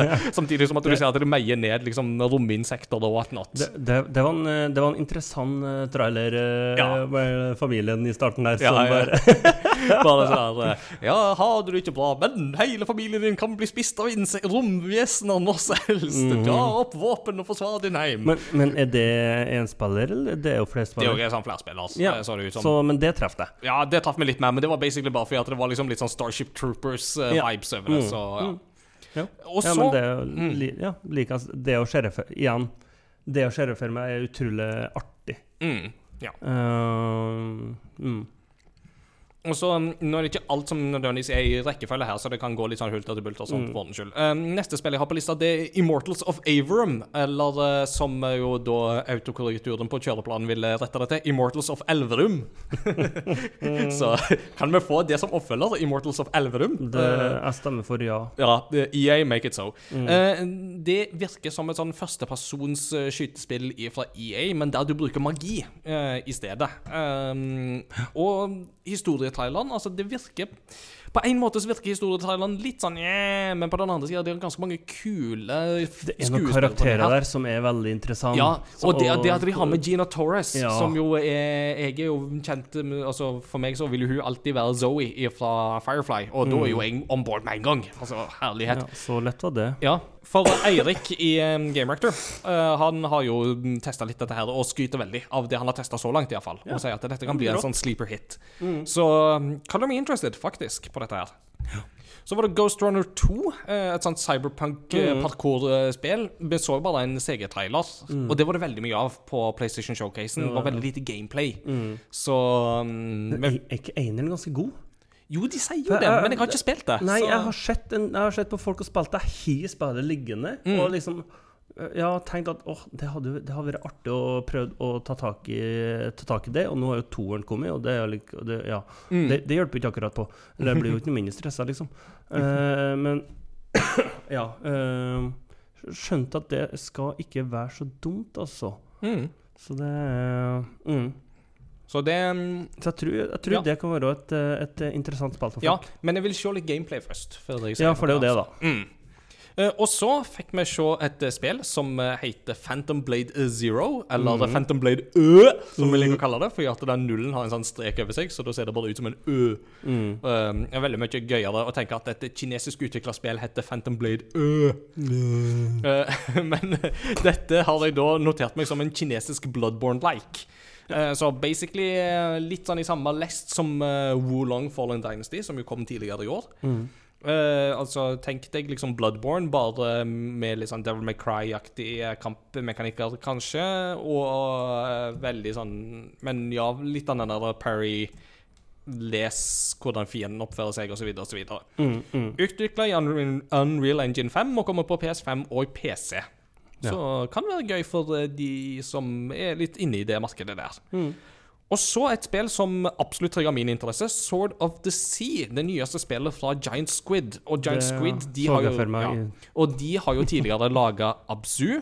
De har laga The Pathless, og Mm. veldig mange av folka i Giant Squid var jo òg med på å jobbe med Journey i sin tid. Det er jo ikke de som har laga Journey, det er jo That Game Company, men Ja. det er jo veldig mange av de samme her. Og dette virker jo basically litt som Journey 2. Å, det så så sinnssykt fint ut. Å, fytti katta. Aha. Det, du, men det er sånn du Uh, Jeg satt jo der i febertåka og prøvde å få med hva som skjedde på TV-en. Uh, og, og du ser øyet Altså, første bilde Mm. Så jeg tenkte jo Journey En oppfølger til Journey. Journey. Jeg tenkte det, remake. Ja, det tenkte på. Det liksom det første bildet, så var det sånn oh. Og så Men ja. Nei, men ja. Å, det skjer så fint Når liksom bare glir på det sverdet der. Mm. Og um, forhåpentligvis er Austin Wintry tilbake på soundtrack-sida der. Han har jo vært med på soundtracket til både Absu og The Pathless, så sjansen er veldig høy for det. Det kan vi like. Mm. Og så et spill som jeg har um, venta lenge på, og som jeg tror er en litt sånn publikumsfavoritt blant våre lyttere. The Talos Principle 2 er på vei å komme i 2023. The Talos Principle er jo et puzzle, altså førstepersons gåteløsningsspill med mye bruk av laser og den slags type ting. Samtidig som at det. er en sånn gudestemme som forteller deg at uh, du kan vandre rundt i denne hagen, men ikke gå i dette tårnet i midten, for den dagen du gjør det, skal du dø. Eh, og så må du drive på å diskutere teologi og Wow. filosofi med en sånn type sånn datamaskin og litt sånt. Eh, så altså, i vår krets er jo dette her på si, gull for ørene, eh, skulle jeg til å si. Uh, og dette virker jo til å bli mer av samme lest. Blir dere veldig spennende. Og jeg tror ikke jeg skal komme til å anmelde dette her, for det første Talos Principle var veldig vanskelig, så jeg må vente at det kommer noen Ja. YouTube-tutorials på dette her. sånn. Veldig sånn eh, Å, hva heter iRobot Nei eh, iRobot Ja, det er litt sånn iRobot møter Portal Ja. uh, i estetikken, da, litt sånn. mm, Så det, Robotene var ganske like. Mm. Et par timer. Ja. Eh, Det første spillet er jo konge. Altså, det er veldig bra, Ja. men òg veldig veldig vanskelig. Mm. Jeg fant en israelsk YouTuber som gikk igjennom disse her mens han kommenterte ting på hebraisk, og jeg var bare sånn plutselig så begynte jeg å kjenne igjen hebraiske ord her og der. Så det Oh, var sånn, ja. det da det begynner spennende. Ja, ja, så det var ekstra gøy. Mm. Og så et spill som jeg tror traff både Peter og meg. Neva. Et nytt spill fra Nomada Studio, som jo da er skaperne av Gris. Mm. Og det så jo bare helt sinnssykt fint ut. Det, den estetikken de legger seg på der, og musikken virker òg til å være Mm. så, sikkert berlinist som står for musikken her òg, vil jeg tro. sikkert nok. Og, og den den lille historien vi får i, eh, i den korte, korte segmentet tra, tra- traileren de viste, Mm. eh, vis, altså de er det, det er jo litt samme Det virker som det er litt samme, samme olja Mm. eh, som Gri. Eh, gri, gris. Og samtidig som det minner litt om noe anime-ulven uh, inni Ja, det var liksom litt sånn mononoke inni ja, der, absolutt. Det er noe der. Altså, alle disse tingene her er jo bare check, check, check, check, check, for liksom Nå får du Ingers oppmerksomhet, så En Ja. Neva, er det en katt eller noe sånt? For det er fullt av katter jeg fikk opp på Google når jeg søker på det. Det kan jo hende. Da er det, det. er Ja. er sikkert en katterase. Ja, det, gris er jo spansk for grå. Jo, jo, for Så, det vet jeg. Ja, så det er nok eh, godt mulig. Nei, det er veldig spennende. Altså, Nei, så Veldig veldig spent på hva det studioet der kan eh, få til. Og forhåpentligvis så får de like mye oppmerksomhet rundt dette som de fikk rundt Gris. Kanskje til og med enda mer. Ja. Jeg tror Gris har vært en litt sånn sleeper hit. eh, at veldig mange har oppdaga det, jo flere som har snakka varmt om det. Så Ja, og det, er fortsatt så er gris utrolig um, ukjent for veldig, veldig mange. mm. Uh, som Og, ja, og jeg, jeg, jeg har fortsatt ikke truffet en person som har liksom uh, i, vi, har, vi har jo i klassen hvert år uh, gris, og da er det jo liksom vel, Den som går igjen, eh, av aller aller fleste, syns det, det her var et skikkelig bra spill. Mm. Eh, de spiller alltid med Journey. Journey er litt mer eh, søkt, litt, an, litt for annerledes. Litt vanskeligere å få Hva er det egentlig som skjer her? Mm. Eh, hvis du klarer å vrenge hodet rundt der, Ja. så får du en magisk, episk opplevelse. Mm. Eh, Jur- eh, er mye lettere. Ja. Eh, du skjønner konseptet, eh, og da er det liksom det, det kjipeste noen kan liksom si, det er at det her er ikke min sjanger, Mm. men det er bra, liksom. Ja. Og det kan jo hende at det er fordi at tematikken i Gris treffer så mye nærmere veldig mange. Fordi Veldig. jeg tror at de tematikkene som touches innom der, er jo noe veldig mange av oss har kjent på på et eller annet tidspunkt i livet. Det, det er utrolig virkelighetsnært. Og du, du kan jo sammenligne med hvorfor, hvorfor er vi så glad i krigsspill. Mm. Det er, et, altså det er et narrativ som vi, vi som mennesker Vi skjønner oss på det, vi kjenner det. Mm. Derfor så fungerer det veldig godt for oss. Nå i dag, depresjon er så aktuelt. Det, det er så mange som sliter Mm. Ja. med det. Og, Og, da, og sorg og Mm. Ja, ikke sant? og ensomhet og alt som, alt som Ja. følger med. Så det er veldig, veldig aktuelt, veldig bra spilt, og Mm. spennende hva de kommer med. Absolutt. Fra det triste til det nusseligste. Cat, Cat Quest Pirates of the Caribbean. Altså, det er med det beste pønnet i hele prestasjonen. det er så nydelig. Det er så bra pønn. Caribbean. åh. Caribbean. Å, jeg elsker det. Eh, dette er vel det tredje Cat Quest-spillet, om jeg ikke tar helt feil. Eh, men jeg måtte bare ta det med, bare fordi at tittelen i seg sjøl var bare helt fantastisk. Så eh, jeg vet at min gamle sjef i Game Rector, Susanne, hun elsker jo pa- eh, Cat Quest 1 og 2. Eh, veldig fan av de. Så ja. The Plucky Squire eh, var jo en eh, sånn eh, publikumsfavoritt fra fjorårets Summer Game Fest, eller eh, E3 um, Thingamajiggy. Uh, spill som begynner i et sånn todimensjonalt boklandskap, og så går du ut av boka, og så er det 3D. Eh, en litt sånn blanding av A Link Between Worlds og It Takes Two, om du vil, eller ja, litt Uansett, virker veldig bra, men fortsatt ingen endelig lanseringsdato. Nei, det, det et kult konsept. Mm. Jeg liker veldig godt det konseptet. Ja. Ja. Vet du hva som er et kult konsept, Peter? Jeg har mange forslag, men du skal få lov til å komme dit. Splatoon. Ja. Vet du hvem som òg syns at det antageligvis var et kult konsept? Eh, det, jeg, det er den som kom med Foam Stars. Yes! Du, holy schmoly, det var ikke det. Var det her skal vi lage samme Det, ja, mm. det, det, maken til Altså, én ting er altså, Dette her blir saksøkt! ja, men, nei, altså, de kan jo ikke det. Altså, du kan jo ikke ta patent på en sjanger. Eh, det, det- det er jo ingenting feil i på en måte det at når du først har funnet en sjanger, at det er andre folk som prøver å lage noe tilsvarende. Altså, det er jo sånn ting er, og det er jo på mange måter altså, holdt jeg på å si, Da vet du at du har på en måte gjort en suksess, ikke sant? Det er jo noe andre folk vil prøve å kopiere deg. Det, det er den beste anerkjennelsen du kan få. Ja, ja, ja. Men Foam Stars er jo da Square Enix som bare helt og holdent bare sånn Oi, folk syns Splatoon er veldig gøy. Det må vi cashe inn på. Vi lager Splatoon bare med skum. Ja. Ja. Det er, um, Øh, det, det, det, jeg må helt ærlig innrømme Altså, det, det er greit, jeg skal, jeg, jeg skal ikke være altfor kritisk før jeg på en måte tester dette her og sånt. Øh, men det virka egentlig som Splatoon. Bare at det var litt for mye yay, party! Og det er sånn anstrengt partyfølelse uten å ha den der crazy moroa som Splatoon har. Men på den andre sida, Nintendo har gitt ut tre Splatoon-spill. Og den grunnleggende formelen har jo ikke forandra seg sånn fryktelig mye.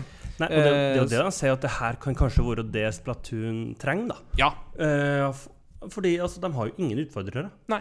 Og Og Splatoon er jo eksklusivt til Switch. Ja. Eh, det er det òg. men hvis du da nå får et spill som ligner veldig, og de klarer å finne ut Altså, det er jo snakk om at, liksom, at de kan hjelpe å komme med en ny sjanger, uh, the splat-like. Mm. Uh, at det er liksom en ny sjanger som kommer opp og blir mer aktuelt, som da òg kan gjøre at òg Splatoon sprer seg enda, for enda bredere eh, område og eh, ja, områder som de beveger seg på, da, og kan gagne dem. Ja. da, altså, jeg, jeg tror jo det, altså. Så, og det interessante er jo det at de eh, liksom førsteinntrykkene jeg har lest av folk som har fått litt sånn hands on med dette her, er faktisk ikke så hakkende gale. Nei, det tror jeg ikke. Altså, du har, for de har jo jeg, klar, jeg klarer egentlig ikke å skjønne at det Jeg, har veldig trua på det, fordi altså, de har jo antageligvis gått inn i Splatoon. Mm. OK, hva er det som gjør Splatoon bra? OK, Vi må få med essens. Vi må få med det. Mm. Og så har han liksom fokusert på Men hvordan skal vi bygge det videre? Mm. Det, det er den måten jeg antar og nesten forventer at de har gjort. Mm. Og da vil jeg jo tenke at det blir veldig bra. Og så et eh, konsept som i alle fall eh, fikk meg til å bare gå litt sånn woho! Det var um, igjen dessverre bare en CG-trailer og ikke noe gameplay. Men Metal Gear Solid 3 Snake Eater får en remake, som da bare heter Metal Gear Solid Delta. Snake Eater. Ja. Eh, skal visstnok bruke de samme stemmeskuespillerne, muligens til og med de samme lydfilene som originalen. Det er jo litt interessant at de skal gjøre det. Ja, ok. Eh, Utrolig hva man får til med ja. dagens teknologi. Ja, ja, ja. Mhm. Eh, men altså, det, det, det er jo Altså, for oss som spiller Metal Gear Solid, altså iallfall når du spiller det på engelsk, det blir liksom ikke Metal Gear Solid uten at du har David Hater sin stemme som bare kommer 'Kept you waiting', ah. Eh, altså, De lagde jo Metal Gear Solid 5 med Keefer Sutherland, Mm. og det var jo en blanda mottakelse på, på det, for å si det sånn. Mm. Uh, så eh, man er litt avhengig av å i alle fall ha med David Hater hvis man skal få en bra opplevelse her. I hvert, hvert fall hvis man har liksom vokst opp med det. Ja. Uh, Så da er det enkelte personer, enkelte stemmer, som bare er hellig, Mm. rett og slett. Som er Altså, det blir feil. Eh, samtidig så har du jo opplevd at enkelte ganger at du har virkelig ikke trua på forhånd, fordi du har, du har liksom plassert den karakteren i en boks, Mm. og det vil ikke fungere. Og da tenker jeg jo på Guardians of the Galaxy sånn i første omgang. Eller Bajonetta 3 Eh, var eller- jo et eksempel som vi hadde nå i høst. Mm. Der det jo plutselig var litt rabalder pga. bytte av stemmeskuespiller. Just, og ja, så mm, viste det seg jo at Jennifer Hale er jo så stabil at det, det, hun tok jo det på strak arm. Ja, ikke sant? Eh, samtidig så kunngjorde de at eh, en samlepakke med de tre første Metal Gear Solid-spillene, kalt Metal Gear Solid Master Collection Volume 1 eh, Og det at de kaller det Volume 1, er litt interessant her. For at da får du Metal Gear Solid 1, 2 og 3. Kan det være at vi får en Volume 2 med Metal Gear Solid 4? Det hadde vært veldig spennende, for det er jo fortsatt låst til PlayStation 3. Aldri vært relansert til andre plattformer. Og håpløst vanskelig å emulere. Hva var det sa du nå? Sa- Metal Gear Solid 4. Ja, ja, ja. Mm. Så altså, hvis det kommer en volume 2 en gang Det- med da Metal Gear Solid 4, 5 og eh, Metal Gear Rising Revengeance, så hadde jo det vært dritkult hvis de hadde fått Mm. det. Altså, jeg har jo ikke hatt PlayStation. Ad. For meg så er det på en måte lukka område. Mm. Uh, og det som jo er ekstra gøy å få med seg her, er jo det at uh, når de da først har med seg eh, Metal Gear Solid 1, så vil du vel òg, hvis jeg ikke tar helt feil, kunne gå inn i tekstfiler og på en måte lese oppsummeringer av historien i Metal Gear og Metal Gear 2 Solid Snake, som jo er de aller eldste spillene som ble laga her. Ja. Veldig interessant. Altså, Konami skal jo cashe inn på Metal Gear Solid uten at Hideo Kojima er med på lasset lenger, men det er jo naturlig at det er det som skjer på et eller annet tidspunkt. Og bare det å få noe Metal Gear Solid igjen som kan forhåpentligvis være bra, det, det gleder vi oss til. Teardown, eh, neste spill ut på lista, det er visst alt ute på PC, men dette var et spill som eh, vår eh, gode lytter av Benjo. eh, Han eh, så litt på PlayStation Showcase sammen med meg, og han, han syns dette her virker veldig gøy. For det er da basically et vokselbilspill med fokus på ødeleggelse. Så det er liksom Altså- klo høypikselerte klosser der du kjører rundt og ødelegger ting. Apropos eh, spill som du bare setter deg ned og holder på i noen minutter og bare Åh, nå er verden litt for kjip. Lett oss knuse. Yes, lett oss knuse. Det, det er digg. Yeah. Og så eh, fikk vi se mer av Alan Wake 2, som kommer Ja. 17.10.2023. Dette ble òg vist fram på eh, Summer Gamefest. Mm. Eh, men vi kan ta liksom litt den samla praten om det her. Eh, Litt mer, eh, litt, litt mer horror, eh, litt mer eh, ja, ja. litt mer horror enn før. Mm. Eh, det får ikke en fysisk uh, disk-lansering, visstnok. Ja. Men eh, altså Det vi har sett av det spillet her, jeg er så down på dette. Altså Alan Wake 1 er fortsatt et utrolig kult konseptuelt spill. Mm. Veldig sånn Twin Peaks, uh, Stephen King-ish. Uh, en sånn spenningshorror med jo mye bruk av lys. Var jo veldig mye bruk av i det originale spillet. Eh, det du får se her eh, i trailerne så langt, det virker til å være en god grafisk framstilling. Det virker til å være et stramt, eh, stramme spillmekanikker. Mm. Uh, stemningsmessig så virker det til å være helt on point der det skal være. Eh, og at du visstnok veksler mellom to spillbare figurer. Du veksler mellom Saga, FBI-agent. som kommer til det samme området der som første spillet fant sted, og Alan Wake sjøl. og at du når som helst kan vi- visstnok veksle mellom de to figurene. Som, ja. som blir et veldig spennende konsept. Så, du, så det du potensielt sett kan gjøre da, er nok at du kan jo spille gjennom hele historien som Saga først, og så spille som Alan Wake etterpå. Eller så kan du bare veksle underveis fortløpende, alt etter som du vil. Eh, hvem vet hvordan dette vil fungere. Og dette er jo våre finske venner i Remedy som Mm. lager. Studio bak eh, Control, blant annet. Som jo var en uh, gøyal tittel, syns jeg. Mm. Så dette kjenner jeg blir veldig artig. Eh, Sam Lake, som jo er leder for eh, dette prosjektet her, og en av eh, topplederne i Remedy, han var jo på scenen under Summer Game Fest og snakket om dette. Mm. Og Det som er gøy med Sam Lake, er jo at han har jo alltid en eh, rollefigur i sine spill som er kliss lik han sjøl. Så det var det òg i dette spillet her. Selvfølgelig. Eh, så det er al- alltid Mm. artig. Jeg tenker det som er positivt med at jeg har litt mer Jeg har litt mer tid til å game neste år, det er at jeg får tatt igjen ting. Blant annet Alan Wake 1, ser jeg. Mm. Så det La meg, la meg få vite når du spiller det. Eh, Mm. Hvis du til og med spiller, streamer det litt mens du spiller, så skal jeg se på. Mm. Eh, ja, det var gøy. Eh, Assassin's Creed Mirage ble jo vist litt her, men jeg tenker at Mm. det skal vi spare til Ubisoft-presentasjonen, for det var der vi fikk se mest av det. mm. Revenant Hill, et nytt spill fra skaperne av Night in the Woods, eh, altså The Glory Society, og utgitt av eh, Finji, som jo var selskapet bak Tunic, eller han, han bak Tunic. Mm. Eh, litt av den samme lesta som Night in the Woods. Jeg vet at det er et spill som veldig mange er glad i, blant annet Carl fra Level Up snakker jo Mm. varmt om det, men jeg har ikke testa det sjøl ennå, så ja. Grand Blue Fantasy Relink Det har jeg bare skrevet opp som noe JRPG-greier. Og når Inger skriver at det er noe JRPG-greier, da er det litt sånn ja Men det har iallfall musikk av Nobuo Uematsu, som jo Oi. er ingen eh, hvem som helst i JRPG-sammenheng. den er en jeg har hørt om, så da er det bra. Ja, da er det Eller bare veldig dårlig, men jeg vet at det er bra. ja, men da er det verdt å sjekke det ut, iallfall, Mm. tenker jeg. Street 46 fikk vi se litt av, men det har vi allerede snakka om, og det, Det er er jo ute. Så det er Ja. jo sånn. Towers of Agaspa. Eh, det er en tittel som jeg tror datt litt under radaren på veldig mange, men som jeg tror kan være litt interessant, for det virker til å kombinere litt mekanikker fra Kena Bridge of Spirits, tematisk sett. Det er en slags holdt på å si, society builder. eh, og det ser ut til å ha en litt sånn open world exploration med lettere Breath of the Wild, Tears of the Kingdom-inspirerte element. Mm.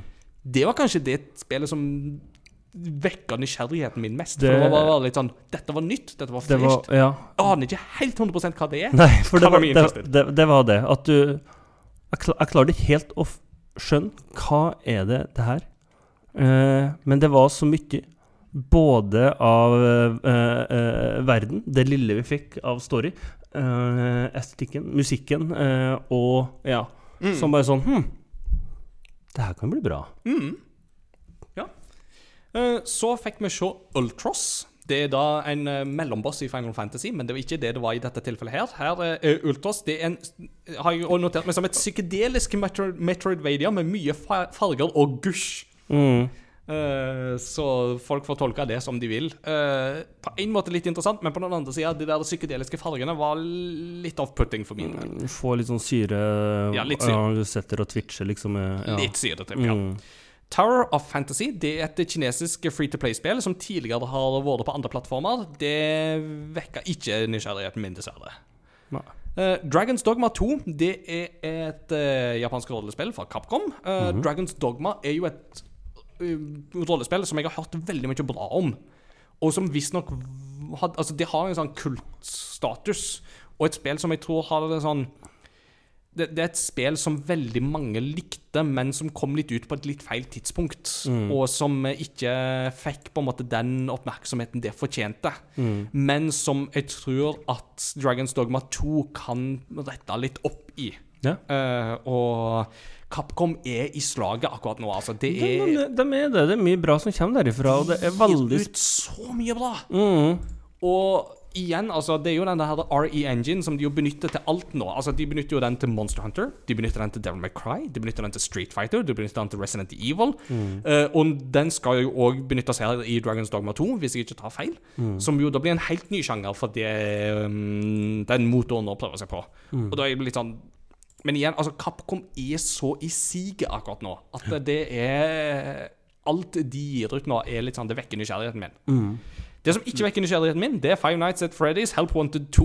Det er det ørtende Five Nights at Freddy's-spillet. Nå begynner vi å bli litt lei. Og det ser like creepy ut og like stygt ut som Ja. Altså, det er liksom litt av denne her å jump, prøve å lene seg på billig jumpscare, virker det som for meg, samtidig som at det er Er det noe nytt? I don't know. Eh, ikke min cup of tea, så jeg skal være litt eh, tilbakeholdende her med judgmenten. Videre så eh, gikk de over til en eh, PlayStation VR 2-showcase. Og jeg må være helt ærlig, det var ikke altfor mye de viste her som gir en sånn veldig sånn et veldig insentiv til at du må kjøpe deg PlayStation VR 2. Men i alle fall, vi fikk se Resident Evil 4 VR-modus, som jo blir en gratis eh, DLC for øvrig. Det, er jo det, det er litt gøy. Og Resident Evil 4 det er en VR-opplevelse jeg faktisk kunne tenkt meg å spille. For Resident Evil 4 går den perfekte balansegangen mellom action og skrekk for meg til at det går. Så det kunne vært gøy.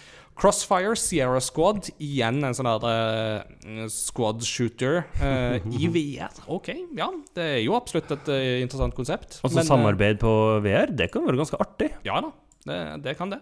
Arizona Sunshine 2, en sånn zombie-apokalypse-greie som lente seg på veldig sånn rar, bisarr humor og litt sånn. Han bare, du bare uh, En sånn fyr som visstnok ser alle zombiene som sin gamle nabo Fred, eller noe sånt. Uh, holder opp etter hodet, zombiehodet, og bare eh, tar hånda si inn i det og bare sånn blæ, blæ, blæ, blæ, blæ, blæ, blæ, litt sånn noe bisarre greier. Men uh, OK. Synapse jeg må ærlig innrømme at Jo, det var en sånn her eh, dykke inn i underbevisstheten, eh, tanke, type Inception-lignende type eh, ting eh, for å skyte på ting. Virker egentlig konseptuelt interessant, men I don't know. Og, Beat Saber. Beat Saber er jo ute på alt av VR nå, så det er ikke sånn veldig spesielt. Men det kommer Queen, så det er jo bra. Ja, og det er jo veldig Er det på Det er på PlayStation, er det på PlayStation allerede? Ja, ja, det er det. Ja, ja, for det var det, det, var det jeg trodde. Mm. Og så kom det liksom en reklame for det. Så bare sånn Ja, Så det var var, bare, sånn Hæ? det var bare for å reklamere at de har Queen. Ja. Men og altså, kall me interested. kan jeg altså VR Beat Saber med Queen, det, så gjør jeg gjerne det. Altså, Ja jeg, har- jeg har allerede uh, Imagine Dragons, som òg virkelig kan anbefales. Men Mm. altså, Queen er, det er god stemning. Og alltid god stemning. Mm. Absolutt. Destiny 2, The Final Shape, fikk vi se litt av. Eh, neste kapittel i eh, Destiny 2-sagaen. men ingen av oss spiller Destiny 2, så jeg tror vi bare hopper videre til Concord. Som var en liten teaser som sa oss veldig, veldig lite. Det var liksom litt sånn space, hy hyperspace og øh, hopping-lignende greier. Men det har vist seg at det òg er en sånn PVP-shooter fra det nye Firewalk Studios. Så igjen, det som vi snakket om med liksom, liksom Det er litt mange spill i den sjangeren allerede. Er det Ja. plass til en til? De som derimot kan muligens lykkes i dette sjiktet her, det er Bungie. Uh, Bungie er jo ingen hvem som helst. Det er jo studio bak Halo. Det er studio bak Destiny. Men spillserien de lagde før det, det var Marathon. Og nå gjenoppliver de Marathon-serien, Ja. men nå i en helt ny drakt. Et helt nytt konsept. Det virker egentlig som at det bare er navnet som egentlig er videreført. Som en veldig fargerik PVP med crossplay mellom PlayStation 5, PC og Xbox Series X. Og dette skal være mer en sånn extraction shooter, litt sånn Escape from Tarkov-aktig eh, lignende sak. Igjen, altså Jeg tenker det er grenser for hvor mange spill det er plass til i det markedet der, men det er Bungie. Den presentasjonen de lagde, var veldig fargerik og veldig spennende. Veldig kul. Men igjen, ingen gameplay, som vi ser. Ehm, men igjen, altså, når Bungie lager noe, da skal en være litt, eh, følge litt med, tenker jeg, altså. Det var ganske Ganske kul trailer læl, det du fikk se. Trailer, Altså- Thailand i seg sjøl var kjempekul. Ja, altså det er utrolig annerledes med bruk av eh, eh, hvordan figurene ser ut, og farger, og Og de holdt ganske lenge på Eller sånn, hva, hva er det her? Mm. Uh, av sjølve spillet, liksom. Så, men ja. Mm. Veldig spennende. Vi fikk se filmtrailer til Gran Turismo-filmen, som jo kommer. Mm. Eh, interessant, med både Orlando Bloom og um, oh, Stranger Things-skuespiller, som jeg ikke husker navnet på akkurat nå. Sto helt stilt. Ja, Plutselig så sto det stille. Jeg vet det egentlig, men det sto stille akkurat nå. Og så var det jo høydepunktet. Det var jo Spiderman 2. Eh, Oh, yes. Lang Det var gameplay. lang- det var en lang gameplay-trailer, det. Det, det, det nesten så jeg ser for meg det, altså at du fikk liksom hele introen. Ja, nesten. Uh, ja. Dette, og dette her er gøy, vet du, for her får vi jo se Craven the Hunter bli en sentral eh, rollefigur her.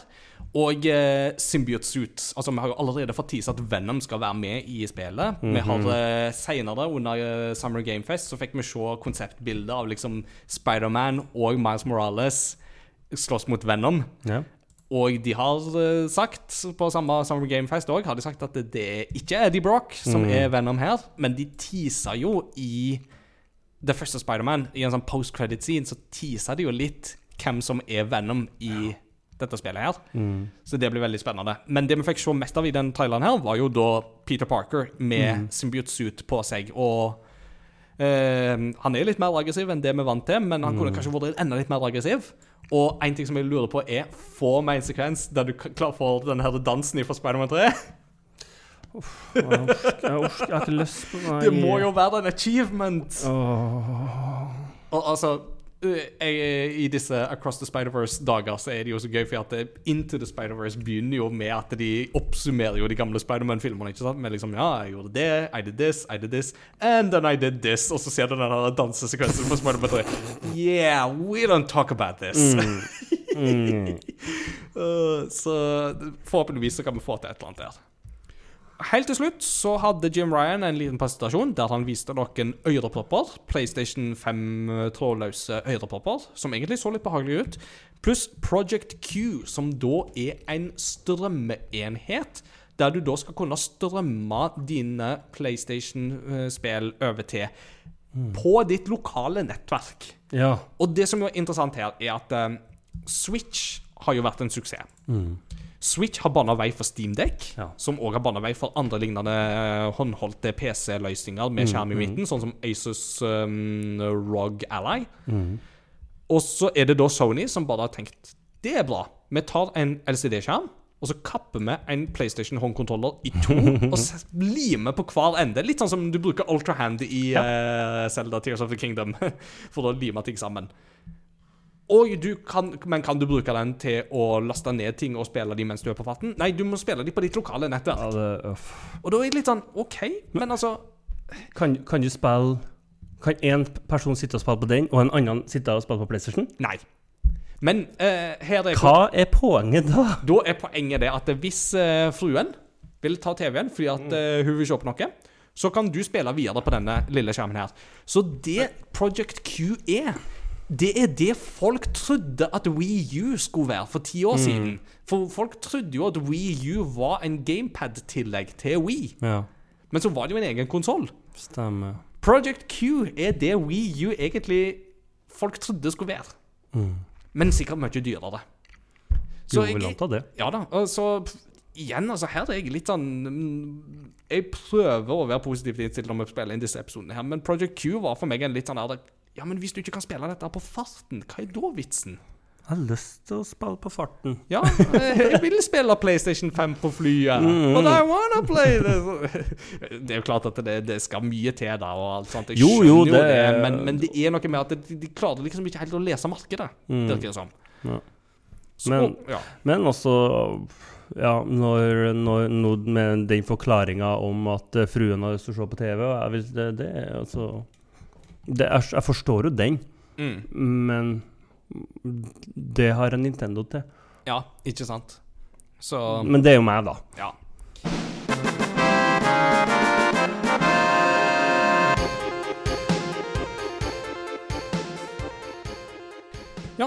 Og det var PlayStation Showcase i korte trekk. Sånn, da er Så, bare da er det bare fem presentasjoner Eller et eller annet sånt igjen. Uh, vi skal gjøre det kjapt. Warhammer-presentasjon var det 26. mai.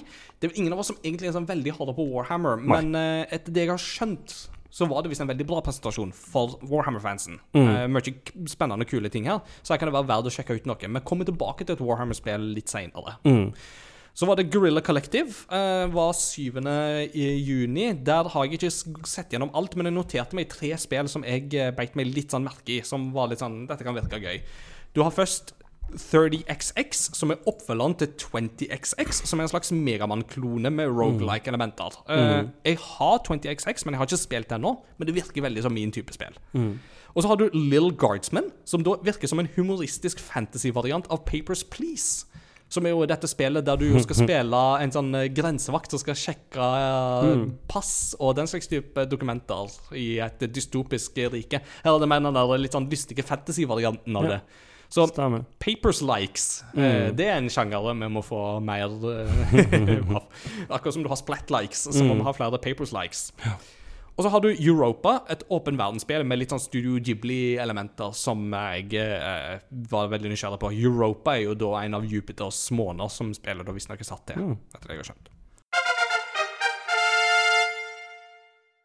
Da går vi videre til Summer Game Fest, som jo Yes. var 8. juni. Og da er Jeff Keeley på scenen og gjør det han liker best. Han liker å stå på scenen og snakke om alt det gøyale de har her, og hvor mye spennende, crazy ting som skal bli vist fram, samtidig som de har litt reklame underveis for å legitimere livets rett. Og Keeley er nok kanskje litt mer entusiastisk enn det han har grunn til å være av og til, men det er ikke til å stikke under en stol at det var litt kule ting å bli vist fram her av og til. Og ikke minst, det er litt gøy å se at de gjør dette her med folk i salen, for eh, det er jo et litt sånn tegn på at pandemien er litt sånn utfasa på en måte, selv om covid fortsatt er greia. Prince of Persia, The Lost Crown, var det de på en måte begynte med å vise her, og det kommer 18.1.2024. Vi har jo allerede snakka litt om det, men det er jo en litt sånn todimensjonal Prince of Persia-spill. Og jeg må si at jeg er keen på dette her, altså. Det ser, det ser artig ut, altså. Det ser veldig gøy ut. Og color me interested på dette her, det skal jeg definitivt sjekke ut når det kommer. Han er ikke fryktelig mye mørkere, han fyren. Kjære vin, folk er så rar. Folk er så rare, rett og slett. Åh, Skaff dere et liv. Ja.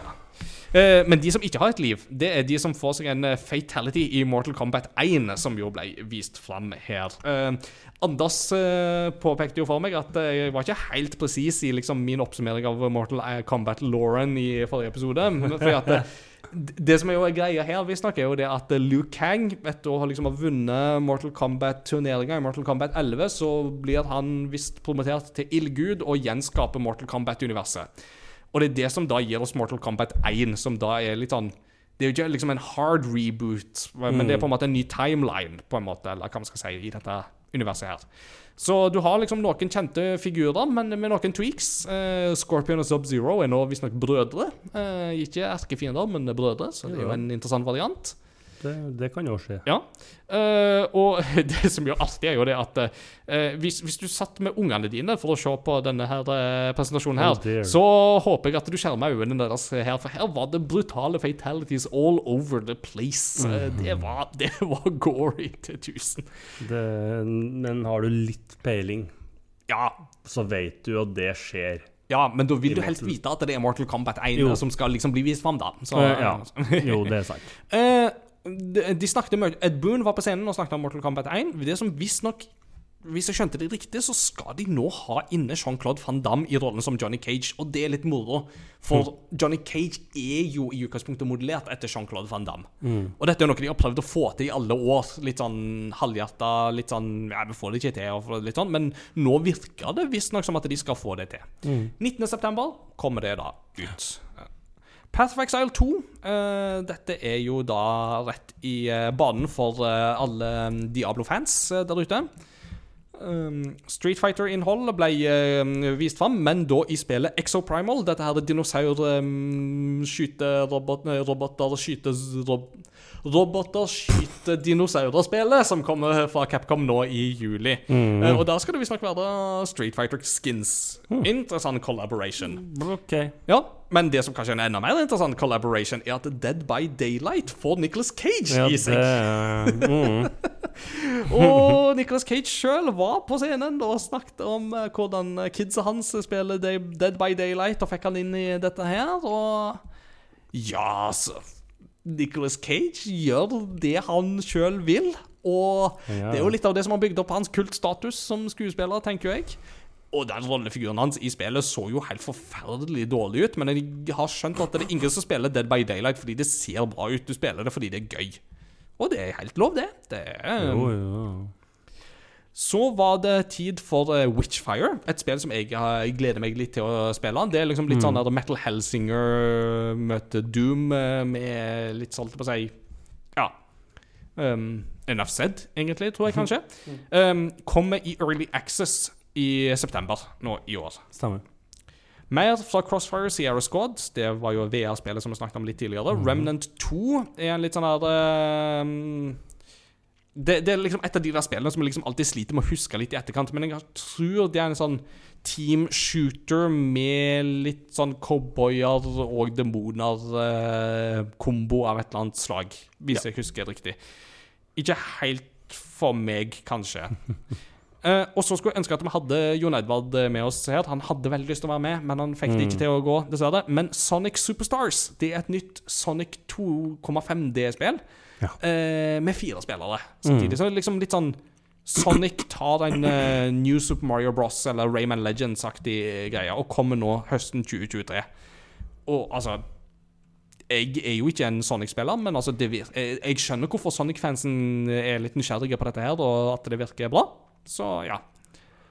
Honkai Star Rail det er jo det nye spillet fra studioet bak eh, Genshin Impact, og det er allerede ute på PC, men mm. Keeley kunne si at det jo da, vi får det på PlayStation 5. Lies of P, det er jo dette her eh, Pinocchio mm. Pinocchio møter Bloodborne møter Near Automata-spillet Ja. som har, nå har en demo ute, og som kommer 19.9.2023. Er det samme dato som Mortal Kombat? Ja, det er det. Samme dato som Mortal Kombat. Oh dear. Oh dear. Ja, ja. Uh, spennende det, for de som liker sjangeren, vil jeg tro. Og så var det et spill som vekka min, min nysgjerrighet veldig, og det var Sandland. Så nå må jeg bruke litt tid på å snakke om Sandland. Uh, Akira Toriyama er jo skaperen av Dragon Ball, og den visuelle kunstneren bak uh, Dragon Quest-spillene, blant annet. Ja.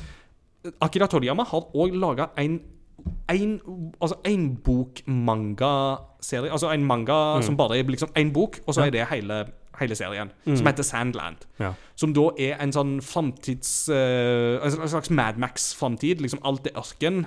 Uh, og der uh, demoner og, og monstre og sånt lever på overflaten. Mm. Og så, møt, og så treffer du på Belzebub, tror jeg det er. Han er da mm, demonprinsen. Yeah. En veldig ung, liten eh, demon, egentlig. Som uh, da slår seg sammen med en menneskesheriff for å finne vann. Som jo er liksom den rådende ressursen i dette universet her. Mm. Det som er gøy med Sandman, er at det er en veldig bra serie. Mm. Men det har aldri blitt laga en anime av dette. Så det blir Nei. laga et spill av det før det i det hele tatt blir Oi, en anime. Det er det. interessant. det er kjempegøy. Ja. Eh, og det skal visst kjøre i Unreal Engine 5. Mhm. Og altså, dette, dette skal jeg teste, altså. Det, det er liksom Jeg syns Sandland er en kjempekul serie. Mm. Og det å få en Akira Toriyama-serie som bare er veldig kort på den måten, det òg er veldig kult. Så Mm. ja. Dette tror jeg kan være noe for eh, de som har sansen for uh, Toriyama-stilen. Ja. Throne of Liberty det har jeg notert meg som en free to play PVP. Um, og da bare hopper vi videre til Da hopper vi videre til Warhaven, som eh, var et av disse spillene som Frank the Tank gleda seg til. Det var en slags sånn der eh, For Honor-inspirert sak, uh, etter det jeg har skjønt. Jeg ble ikke helt klok på det, men eh, nei, hvis Frank the Tank, Frank the Tank gir det på det, så er jeg glad på hans vegne. Party Animals, en eh, trailer der de bare viste mange Twitch-streamers som spilte det og lo seg skakk i hæl og hadde det visst veldig gøy, men herlighet, det er ikke det vi vil se på en sånn presentasjon på dette her. Da vil vi faktisk se gameplay. Eh, da vil vi altså, vise noe litt mer konstruktivt. Mm. Det sa det at jeg høres negativ ut. 20.9.2023. Og så, for um, Crash-fansen der ute, så kommer det et nytt spill som heter Crash Team Rumble. Det så ut som en sånn her free to play-sak, det òg, men altså, det er Crash Bandicoot-universet. Det er god stemning. Det er god stemning. Det er jo ikke noe feil med det. Nei. Mer fra Alan Wake 2. Det var her vi fikk se Sam Blake komme på scenen og snakke litt om spillet. Så yes, fortsatt moro. Og så kommer det Warhammer-spillet som jeg ville uh, tune mer inn på. Det var Warhammer 40 000 Space Marine 2. Som da er Altså, det første spillet der, det Eller begge disse spillene her, har jeg skjønt, det er basically altså en Space Marine. Da er du basically en one man army. Og da er det liksom gå rundt med liksom Gatling gun og meie ned orker for liksom harde pengene. Og det er liksom sånn der det Motorsagsverd og ja, ja, ja. Og det er, altså, dette er liksom Dette er Warhammer sitt svar på Gears of War, basically. Tror jeg. Uh, og nå får det en oppfølger. Uh, og altså Det jeg så der, bare virka til å bare sånn oh, Det er lenge siden vi har hatt et spill av den typen. Det virka litt gøy. Så det kan hende at dette her blir liksom min vei inn i Warhammer 40K-spillverdenen, altså. Yes, Your Grace, Snowfall. Eh, det var jo det som vår eh, venn Godspark kalte for en Medieval Dad Simulator, så vi får se hva som kan bys på der. Og så fikk vi et eh, konsept som uh, iallfall navnemessig trigga meg eh, litt eh, i den positive retningen, for det var John Carpenter Presents uh, Toxic Commando. Som da var en sånn der uh, skvadron kjører gjennom holdt jeg på å si, horder med zombier og den slags type ting. Og Grunnen til at det vekker interessen min, er fordi at det er John Carpenter-navnet knytta til seg. Og John Carpenter er jo mannen bak The Thing og uh, Big Trouble in Little China, for å nevne noen legendariske filmer han har laga. Han er jo òg dritgod på musikk, og det er jo kanskje det jeg på en måte også tror at hvis han har på en måte ansvar for noe av musikken her, her så kan det bli veldig gøy. Litt sånn eh, harmløs moro. Ikke liksom forventer deg et veldig bra spill, men kanskje gøy likevel. Baldur's Gate 3. Mhm. Rollespillentusiaster eh, vil jo glede seg jo til dette spillet her. Her fikk vi se litt stemmeskuespillere og litt sånne ting. Jeg tror ikke de satte en dato ennå, men jeg tror det skal de satse mot en 2023-lansering. Arrester meg hvis jeg tar feil. Spiderman fikk eh, datoen eh, kunngjort. Kommer 20. oktober 2023. Og altså, oktober har jeg skjønt blir grisetravel, for der får du Du får Forza, du får Spiderman, du får Alan Wake, du får Det er ikke måte på hva som kommer. Så oktober blir travel. Og så fikk vi- fikk vi se en ny trailer fra Pal World, og det er et spill som har blitt presentert tidligere, men Peter, la meg introdusere deg for konseptet Pokémon med bedre grafikk og guns. Yes! altså, bare, bare liksom det, det, altså, det du ser altså, det, det er så usjenert Pokémon-kopi. At de, de, de, prøver liksom ikke å skjule hva det er de har eh, lagt seg på, men at de bare slenger inn en haug med våpen inn i dette her. Eh, og da både jeg og Benjo satt og så på dette og bare skaklo. og bare sånn der, Du, dette her må jo du og meg spille i lag, eller noe sånt. Så jeg vet ikke om det er mulig å spille i lag eller ikke, men vi var iallfall veldig keen på det. Eh, Black Desert det er jo et uh, MMO som eh, fikk noe nytt eh, innhold presentert. Og så kommer dette Lord of the Rings-spelet som eh, David og Oskar eh, snakket om. Lord of the Rings Return to Moria, som kommer høsten 2023. Det har jo vært annonsert tidligere, men det er en sånn dverger eh, vender tilbake til Moria og bygger det opp igjen-type spill. Så eh, grafisk ser det ikke nødvendigvis ut som all verdens, men det kan være gøy for det. Final Fantasy 7 Ever Crisis det er dette mobilspillet som prøver å gjenfortelle hele historien til på en måte gamle Final Fantasy 7-spill. ja. Mm. I på en måte hele storylinen. På en måte Fra mobilspill som bare har vært gitt ut til Japan, til Crisis Core, til det originale Final Fantasy 7, til um, Dirge of Cerberus osv. Uh, med en sånn veldig variabel grafisk stil. Jeg aner ikke helt hva jeg skal tolke av det, rett og slett. Så gikk vi videre til Banishers, Ghost of New Eden. Et nytt spill fra Dontnod, skaperne av Life Is Strange og Vampyr og eh, Remember Me. Og um, dette virka som en sånn uh, Altså Det jeg fikk inntrykk av, var at dette virka som uh, PlayStation 4-spillet The Order 1886 møter sånne spøkelser Uh, Altså en sånn paranormal etterforskning i type sånn der USA 1800-tallet-aktig lignende estetikk. Altså, Jeg vet ikke helt hva jeg på en måte skal lese av det, men det var noe med på en måte konseptet her som ikke var helt fremmed for meg. altså. Det, det må jeg innrømme. Så kan, kan bli interessant. Jeg lurer på om det var her òg at det var mm, eh, Om det var Nei, det var under Xbox-presentasjonen at Dontnod viste sitt andre spill, så det kommer vi tilbake til. Men Dontnod de har plutselig mange jern i ilden. ja. Eh, Og så kom jo et spill som jeg eh, absolutt er gira på. Like a Dragon Gaiden, The Man Who Erased His Name, kom i november. Ja. Og dette er det, altså Gaiden er jo det japanske ordet for side story. Og dette er et spill satt imellom Yakuza 6 og 7, hvis jeg eh, husker riktig. Mm. for nå er det jo sånn at Kiryu, som jo har vært hovedperson i de gamle Yakuza eller Like a Dragon-spillene, er jo ikke lenger hovedperson. Eh, nå er det jo en ny hovedperson som er kommet inn. Men denne sidehistorien her forteller da visstnok hans på en måte historie videre. Altså en slags videreføring. Og de nye Dragon eh, Nei, de nye Like a Dragon-spillene De har jo et mer sånn turbasert kampsystem. Eh, mens disse spillene som følger Kiryu, vil fortsatt ha den gamle beat them up-aktige action-type stilen. Kom i november. Virker lovende. Under the Waves virker som et sånn her Subnautica-inspirert undervannseventyr. Uh, jeg er nok litt forholdt på å si, Under vannet er litt skummelt for meg, men eh, det virker som at de traff noe her, altså.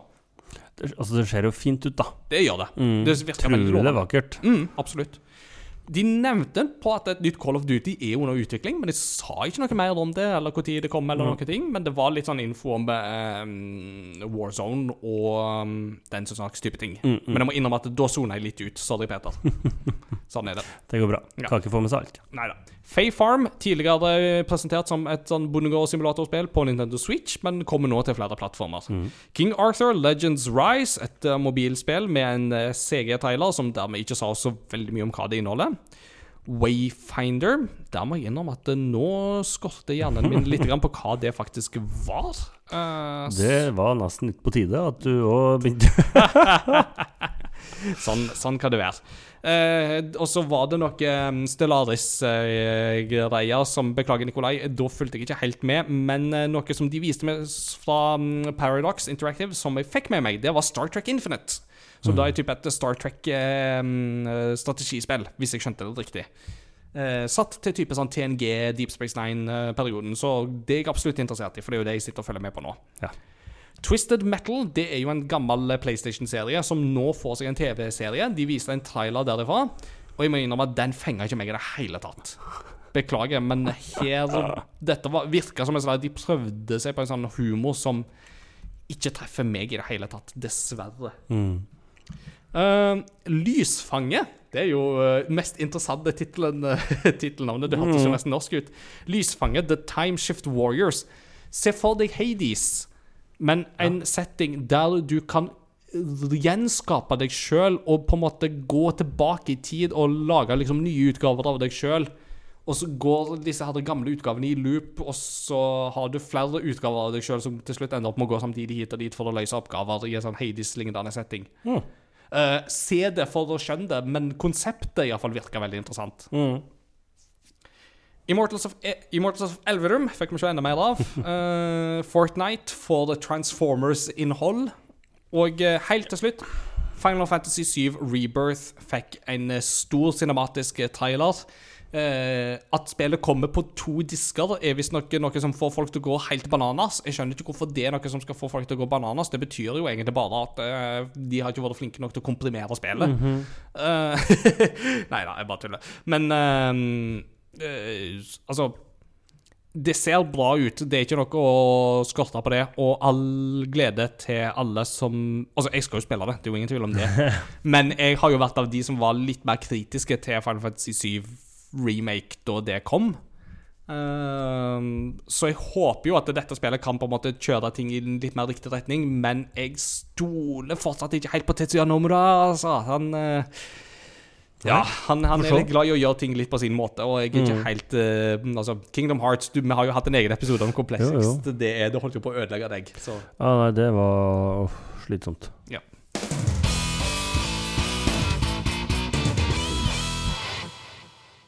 Og det var eh, Summer Game Fest. En uh, presentasjon som hadde litt sånn blanda inn innhold. Jeg må si at for min egen del, Summer Game Fest traff ikke helt.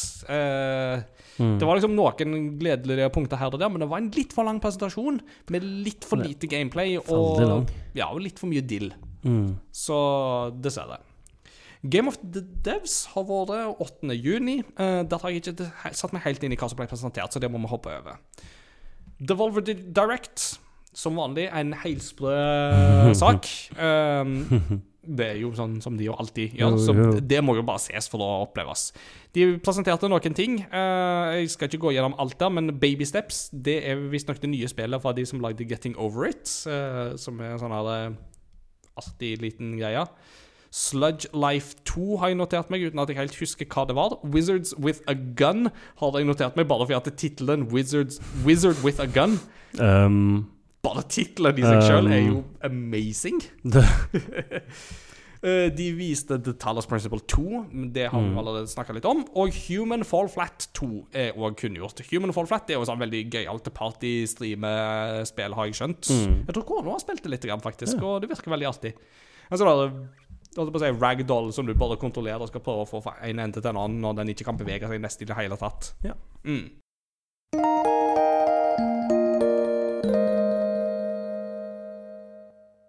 Og så kommer Wholesome Direct. Eh, Den var 10. juni. Og Wholesome Direct det er jo da directen for nusselige, koselige spill.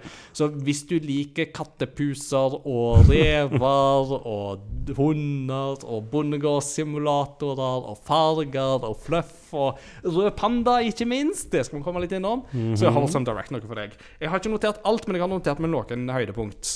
I am a caterpillar det er akkurat det. Altså, du er en uh, åme. En eh, liten sånn, mm. ma- sånn larve.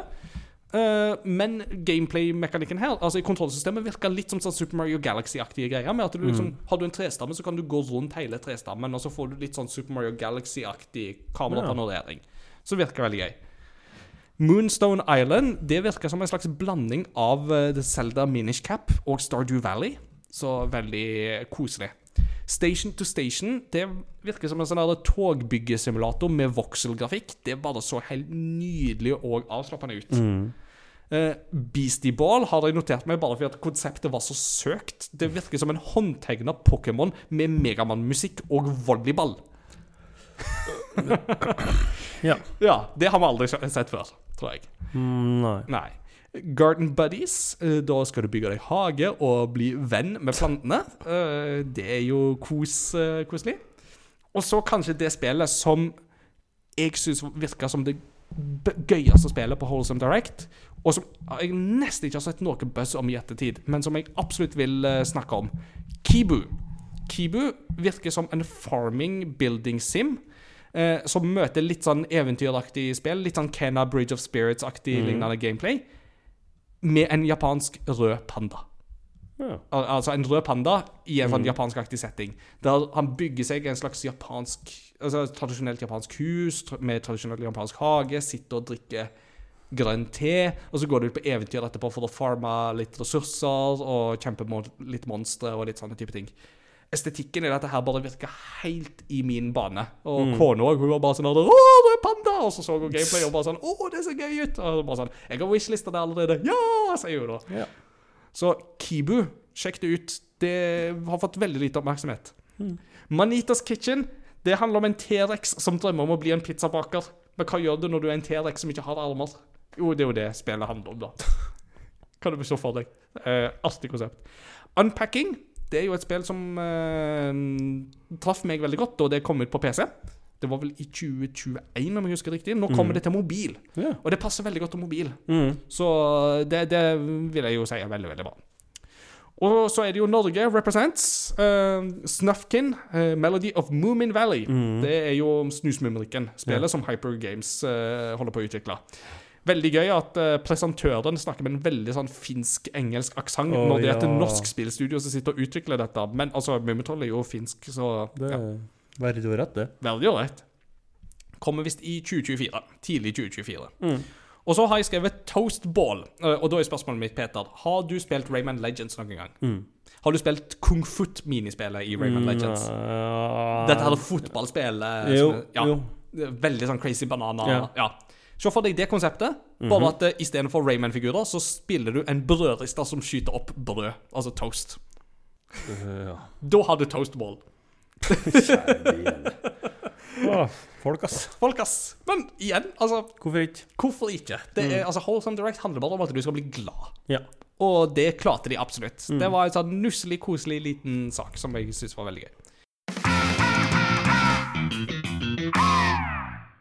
Future Games Show har jeg dessverre ikke fått satt meg så mye inn i, så vi går rett til Xbox Games Showcase. Og dette må jeg si, det er nok kanskje den beste av presentasjonene som har vært. Eh, Xbox leverte det vi ville ha. De leverte en konsentrert time med masse spillinnhold, med masse gameplay. Faktisk gameplay in engine. Uh, ikke nødvendigvis, alltid in game, men alltid med et representativt bilde av hva spillet kan inneholde. De starta med en banger. De starta med Fable, altså Fable 4 om du vil, med Richard Iowadi. Eh, Og igjen så må vi si Norge represents, for Richard Iowadi er jo halvt norsk. Yay. Og for de som ikke vet hvem Richard Iowadi er, så hvis du har sett uh, The IT Crowd, så er det jo han som spiller Moss. Uh, og altså Richard Iowadi er jo bare seg sjøl. Ja. Og det passer bare så sinnssykt godt med Fable 2, den, som bare sånn absurd britisk humor med litt sånn eventyrstemning. Og han er botaniker. Og så viser det seg at han er visst en kjempe. Og så eh, må du slåss mot Richard Iowadi. Ja, det gir mening, det. Uh, det, det var bare sånn der øh, Altså, jeg, jeg, jeg har ingen forhold til Fable-serien fra før. Men Richard Iowadi, det var det som skulle til for å gjøre meg solgt på Fable 4. Så sign me up. Og så viste de South of Midnight, som da er fra studioet bak We Happy Few og Contrast. Uh, og dette virka som en slags sånn her eh, Louisiana bayou-mystisk mystiske eh, setting. Møter litt sånn der Call of Cthulhu-aktig eh, sånn stemning. Med litt sånn der, nesten sånn der tresnitt uh, utskårne rollefigurer i på en måte den grafiske stilen og litt sånt. Det var ikke mye gameplay på fikk Show her, men stemningsmessig så var den litt sånn kul likevel. Og så fikk vi se vårt første glimt av et spill som jeg har vært tisa tidligere, som har fått mye oppmerksomhet, som vi skal komme tilbake igjen til i Ubisoft-presentasjonen, og det var Star Wars Outlaws. Et Star Wars åpen verdensspill satt til perioden mellom episode 5 og episode 6. Det er Massive Entertainment som utvikler, eh, eh, som er utviklerne bak eh, The Division-spillene. Og ja, det er Ubisoft som gir ut dette. 33 Immortals det er fra skaperne av Spiritfarer. Uh, og det er basically Hvis du syns det er vanskelig å få med deg én venn eller to venner eller tre venner til å spille et spill, prøv å få med deg 32 andre venner til å spille 33 Immortals. Et spill der du skal spille deg gjennom Jeg tror det er underverdenen. Litt sånn Hades-lignende aktig spill. Payday 3 eh, fra Starbreeze. Uh, nå er det jo faktisk ti år siden Payday 2 kom ut, så dette er jo litt sånn der uh, Du planlegger bankran og går inn og tar gisler og prøver å komme deg fra mm, politiet og diverse, med tre andre spillere. Uh, Gameplay-messig og grafisk-messig, det virker liksom ikke som at det er gjort så veldig mye her siden Payday 2. Så sånn sett så tror jeg kanskje at jeg hadde vært litt skuffa hvis jeg var Payday-fan. Jeg vet ikke. Eh, Hvis du har spilt Payday, let me know what you think. Og så var det noe som ble vist fram, som jo ble um, lekka på forhånd, fordi at det var visst noen i Atlas som eh, trykte på en knapp på sosiale medier som han egentlig ikke skulle trykke på. det er jo alltid gøy når det skjer. Oh. Uh, men det var Persona 3 Reload, en remake av Persona 3. How about that? How about that? Og da er jo Ingar eh, på ballen med en Mm, gang. Ja, ja, ja. Og det er jo litt sånn gøy, for at Persona 3 det er jo det spillet som former Persona-formelen, litt sånn som vi kjenner den i dag. Mm. Uh, men jeg har aldri gått tilbake til å spille Persona 3 ennå, selv om det jo nå nylig har blitt sluppet eh, en versjon av det på mm, moderne plattformer. Ja. Men nå kommer jo da en helt ny, ny versjon av det spillet, så da tror jeg bare at jeg venter til, til det kommer ut. Og jeg gleder meg veldig til det. Mm. Day One på GamePass, det gjaldt jo egentlig nesten alt som ble vist fram på dette Mm. showet her. Og så er det Avowed, fantasy RPG-en fra Obsidian Entertainment, de som jo har laga Fallout New Vegas og um, The Outer Worlds. Og altså Dette så veldig annerledes ut fra den konsepttraileren vi så for et års tid siden, men altså, jeg er ikke helt fremmed for dette her. altså. Den virker som en litt sånn mer lukka, konsentrert fantasy setting med liksom sånn sopplignende infeksjon som infiserer både dyr og mennesker, og du er en tvilsom fyr som blir sendt av en konge som er for lat til å dra sjøl og fikse tingene. Og Så er det litt opp til deg. Skal du redde de, eller skal du bare gjøre ting verre? Det er litt opp til deg. Jeg tror det kan bli veldig kult. Så viste de litt eh, Sea of Thieves. Det er jo et spill som jo har vokst veldig etter at det ble lansert. Og ja. her kommer det en veldig naturlig mashup, nemlig The Legend of Monkey Island. sea of Thieves får Monkey Island-innhold med eh, han eh, Armato, som Garbage Threepwood er tilbake, og en del av de stemmeskuespillerne som har vært med før. Og med mange callbacks til gamle Monkey Island-spill. Du har en sånn chicken with a pulley in the middle. du har Sirkusbrødre som der du skal skyte deg i en kanon. eh, du har Voodoo Lady. du har eh, alt mulig rart. Og det som er litt trist her, er at Ron Gilbert, skaperen av eh, Monkey Island, eh, og som jo var, sto bak Return eh, Nei, ikke Jo, Return to Monkey Island, som jo kom ut i fjor, og som var veldig bra. Han var visst ikke klar over at dette her skulle skje. Og det tenker jeg er litt sånn eh, Hadde det ikke vært litt høflig å ta den telefonen til Ron Gilbert og si at um, Hei, vi slenger inn det og det inn der. Skulle tro det. En skulle tro det. Og så Microsoft Flight Simulator 2024. Et nytt Ja. Flight Sim som kommer, med mye mer fokus på type aktiviteter og missions. Her får du brannslukking, du får search and rescue, du får helikopter cargo transport, du får luftskip, du får varmluftballonger, uh, du får air racing, du får uh, kjøre jagerfly i lave dalterreng, litt sånn Top Gun Maverick-aktig opplegg. Og altså Dette er jo ikke feil. Ja, det blir rått, ass. Pluss uh, Allerede, liksom. Ja, allerede. Det- det- det- det- Og, det, kommer til neste år. Eh, Og uh, som om ikke det var nok, så når den neste Dune-filmen kommer mot slutten av året, så kommer det Dune-innhold til dagens Microsoft Flight Simulator. Ja. Litt usikker på hvordan det skal funke, for at Arrakis er ganske øde. Det er ganske annerledes enn det, ja. Men ja, ja, OK. Men OK. Videre så fikk vi se livstegn igjen fra Senua Saga Hellblade 2. Altså, igjen altså, vi, vi får se litt sånn bits and pieces av dette spillet her. Men når skal vi faktisk få en lanseringsdato? Når skal vi faktisk få litt mer sånn faktisk gameplay, istedenfor litt mer sånn veldig kule cutscenes og Altså bare gi meg Hellblade 2 nå, er dere snille. Give it to me now! Eh, og for eh, Like a Dragon, eller Yakuza-fanen i meg, så eh, får vi mer.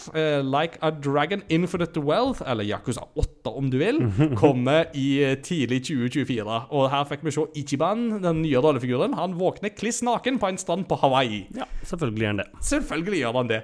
Eh, og det som er gøy, er at det er veldig tydelig av denne traileren her at uh, Ichiban han snakker japansk. Alle rundt han snakker engelsk. Han skjønner ikke bare engelsk. Nei, åh.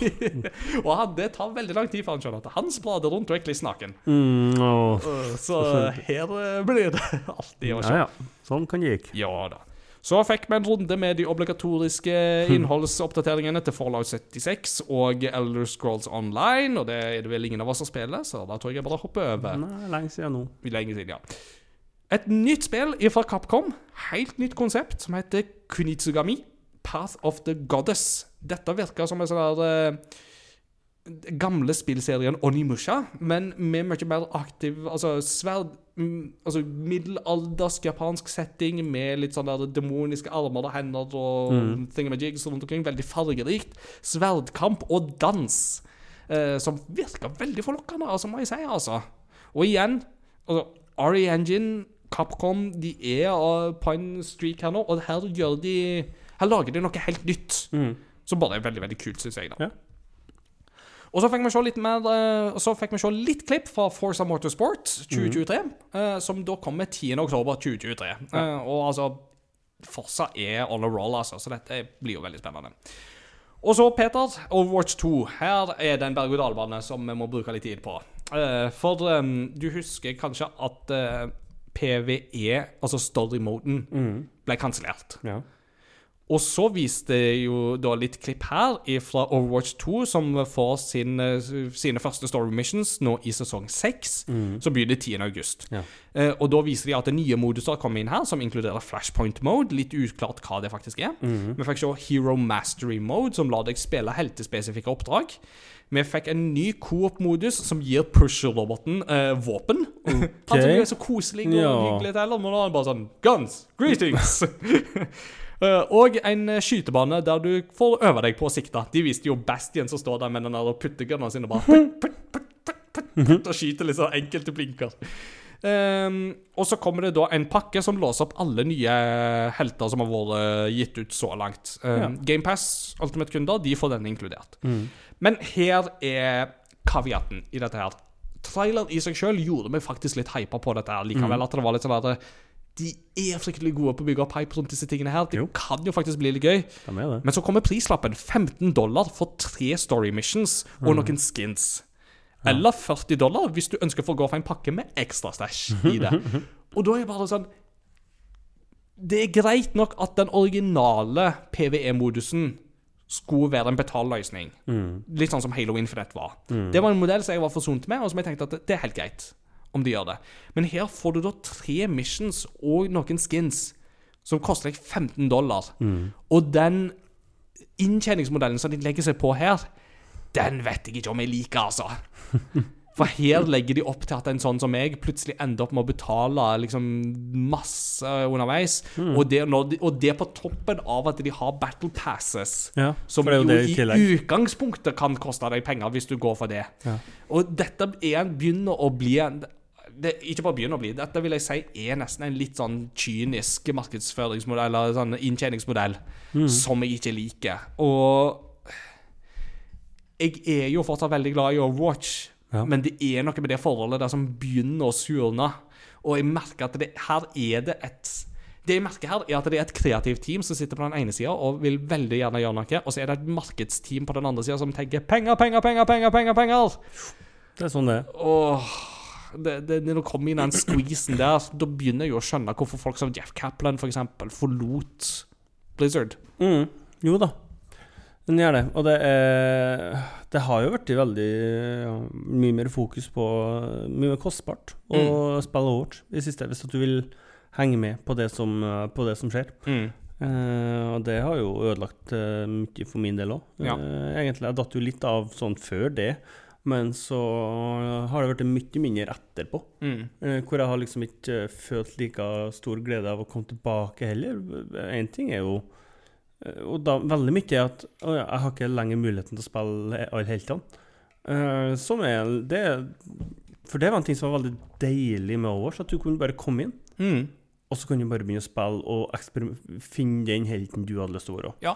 Uh, uten at du må du, du, du starter med et par færre, liksom, men det er helt, helt, helt i starten. Mm. Og så åpna, var, var alt åpent. Ja. Og det er noe med den der grinden som er der nå, som ikke er sunn, altså. Syns jeg, altså. Så det er veldig synd. Så um, For Persona-fansen så holder det ikke med at vi får Persona 3 remake. Vi får Persona 5 Taktika, som da er et sånn taktisk uh, rollespill. Litt sånn der Tactics Ogre, Fire Emblem uh, lign- ehm, XCOM kanskje, til lignende type spill i Persona 5-settinga. Jeg vet ikke helt om på en måte den grafiske stilen de legger seg på her, var liksom Den traff meg ikke helt. Og sjøl som jeg er glad i Persona 5, så kjenner jeg at det, nå er det snart på tide å legge Persona 5 fra seg og gå videre. Eh, men likevel, altså, det er godt mulig at jeg sjekker dette ut når det kommer 25.11.2023. Og så var det Starfield, kommer 6.9. Uh, Early Access uh, 1.9. for de som går for en sånn deluxe-utgave. Og de diska jo opp etterpå med en egen 45 minutters visning av det Starfield har å by på.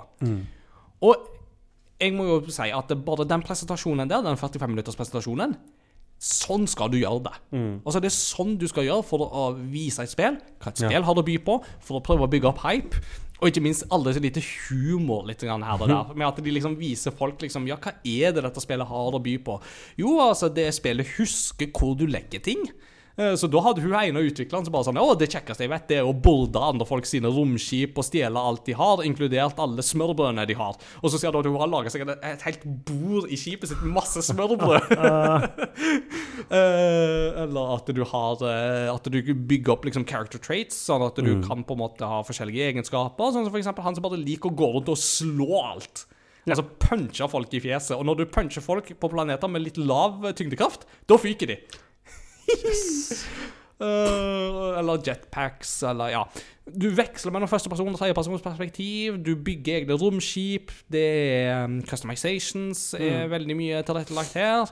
Uh, og uh, du rekrutterer folk, inkludert da han ene fyren i Oblivion som er sånn blodfan av deg. Han er nå liksom tilbake og bare sånn der Å, det er deg! Jeg kan ikke tro jeg puster samme luften som deg! Og eh, du kan rekruttere han hvis du vil det, hvis du ikke bare ender opp med å skyte han der og da. skal jeg si. uh, fortsatt noen sånne småting her og der som jeg bare sånn Jeg ikke vet jo om jeg er helt solgt. Altså Character-modelleringa virker fortsatt veldig stiv, syns jeg, må jeg jo innrømme, selv om de har brukt mye krefter på det. Men jeg sitter med mye mer positivt inntrykk nå av Ja. Starfield enn det jeg gjorde i fjor. Jo, husk på vi snakka om det. Så jeg var jo Jeg, jeg hadde jo egentlig avskrevet Starfield, faktisk, må jeg innrømme, men nå er jeg litt nysgjerrig igjen. Åh, gidd å gjøre det så vanskelig, da. Ja, det. men altså det så, Sånn kan det være. Eh, Så altså Se, se gjerne den presentasjonen der, da. For at det, det, det, jeg syns bare at måten de bygde opp den presentasjonen der på, var interessant. Og så um, Jusant. Det er et spill om fjellklatring fra Dontnod. Um, igjen skaperne av Life is Strange, eh, Vampyr, uh, Remember Me osv. Og, og det var et sånt spill som virka litt sånn konseptuelt interessant. altså. Still Wakes the Deep. Dette er jo spillet som må Altså, Equinor, her må dere kjenne deres besøkelsestid. Her må dere kjøpe 18 eksemplar, og så må dere gi til dere alle deres ansatte på oljerigger. For det er da et FPS-horror satt til en oljerigg. Uh, Anders, uh, la meg vite hva du syns om dette her. Eh, bare konseptet der var bare så gøy at det var bare sånn der, Herlighet, dette må jo selge i, uh, i Stavanger-området. Jeg kan ikke skjønne annet. Og så fikk vi se Dungeons of Hinterberg, som minner litt om sånn franske mm, tegneserier. Litt sånn Möbius-tegneserier i stilen. Litt uklar på hva det inneholder, men den grafiske stilen got me intrigued. Og så er spørsmålet Er Keanu Reeves still breathtaking. Det kunne iallfall høres litt sånn ut, for den hørtes litt andpusten ut da han sto og presenterte uh, DLC-en til Cyberpunk 2077, Phantom Liberty. Det var et eller annet med mikrofonen her som var litt sånn skurra litt teit. Det hørtes nesten ut som han hadde vært hos tannlegen og var litt, Såpass, ja. came back from the dentist and he forgot the cotton. Litt uh, sånn Men uh, altså Keanu Reeves er jo seg sjøl lik, ikke sant? Altså, det er litt vanskelig å mislike den mannen, ja. syns jeg. Og Phantom Liberty kommer da 26.9. Um, jeg har jo dessverre avskrevet litt Cyberpunk, må jeg jo ja, ah, det er lenge siden nå. Ja. Men uh, ja, gøy for, gøy for de. City Skylines, derimot, det er spillet som jeg er veldig hypa på. City Skylines 2. Det, det tenker jeg at eh, dette by... Altså, savner du gamle SimCity? Glem SimCity. City Skylines, finnene, har vist hvordan dette skal gjøres. Colossal Order, de er kjempegode på dette. Mm. Ja. Skylines 2 virker til å være eh, mer av det gode, og kommer 24. oktober. Smooth, rett og Ja, det er kult. Det er kanskje på tide med det. Tide, begynner å bli på tide med en oppfølger. Ja, ja, ja. Det forrige var jo fra 2015, Det er lenge, eller, ja. eller om jeg husker Så, riktig. Så 2016. Så Ja, ish, noe sånt. det er mye som har skjedd. Så, og, hvis modde, og hvis det er like moddevennlig så det Ja, for det, som er, det, det har vært en kjempestyrke. mm, At det er så lett å lage modder til eh, City Skylines. Så da har du liksom Er det et eller annet Å, et eller annet du savner Mm. når du driver og bygger en mye? Det er garantert noen som har lagd en mod. mm, Så Ja. kjør på. Og så prisen for eh, mest innfløkte JRPG-navn i hele Summer Game Fest-gudstjenesten går til Metaphor Refantasio, eh, som da er et nytt fantasy RPG fra Atlas, altså skaperne av personer og så videre, som kommer i 2024. Uh, litt sånn uh, Altså, prestasjonen var litt sånn luggete og hakkete og litt sånne type ting, men altså det, Disse folka her vet liksom litt sånn hva de holder på med. Så jeg er absolutt i målgruppa for dette her, og jeg var mm, absolutt interessert i det jeg så her. Veldig tøffe menysystemer og interfacen og liksom den estetikken og sånt var veldig, appellerte til meg, altså. Towerborn, et nytt spill fra Banner Saga-skaperne. Eh, litt uklar på hva det inneholdt, men det var tydelig sånn Verden har gått litt unna, og nå har vi forskansa oss i noen tårn som ser ut som store vindmøller. Opplegg. Ja. Clockwork Revolution, eh, bedre kjent som den uoffisielle Bioshock eh, Infinite 2. Eh, det så iallfall veldig ut som Bioshock Infinite. Men dette er da mm, Bioshock Infinite med tidsmanipulasjon, har jeg oppsummert det som. Fra In Exile, som er skaperne av Wasteland-serien. Ingen dato, men 'coming in due time' ble det, presentert som. Og altså, jeg likte det jeg så her. Og veldig kul estetikk. Eh, veldig sånn uh, Altså Hvis de kan på en måte ta på en måte det som funka med Bioshock Infinite, og forbedre litt på enkelte ting her og der, så tror jeg at dette kan bli en veldig kul tittel når det kommer. Og helt til Absolutt. slutt ja. Helt til slutt så sto eh, Xbox-sjef eh, Phil Spencer der med en Hexen-T-skjorte. Han kunne ikke annonsere et nytt Hexen-spill, dessverre. men han kunne annonsere en ny Xbox Series S som kommer i svart utgave med en dobbelt så stor harddisk, altså 1 terabyte SSD, til 350 dollar 1.9. Ganske decent. Det er ganske decent. Men altså, han, han var litt sånn der Dere har etterlyst mer lagringskapasitet. Vi hører dere. Her er en ny Xbox med større harddiskapasitet. Og bare sånn, ja, men vi vil ikke ha en ny Xbox, men vi vil ha, vi vil ha større minnekort enn en billigere pris, takk. Så ja. Men uh, det er nå sånn. Ja. Xbox leverte en veldig bra showcase. Det må bare reies Ja. igjen.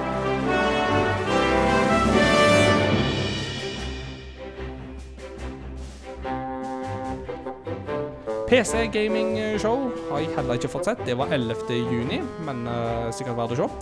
Ubisoft Forward 12. juni. Dette var presentasjonen vi hadde veldig lave forventninger til. Iallfall jeg hadde veldig lave forventninger. Men Ubisoft leverte litt, altså.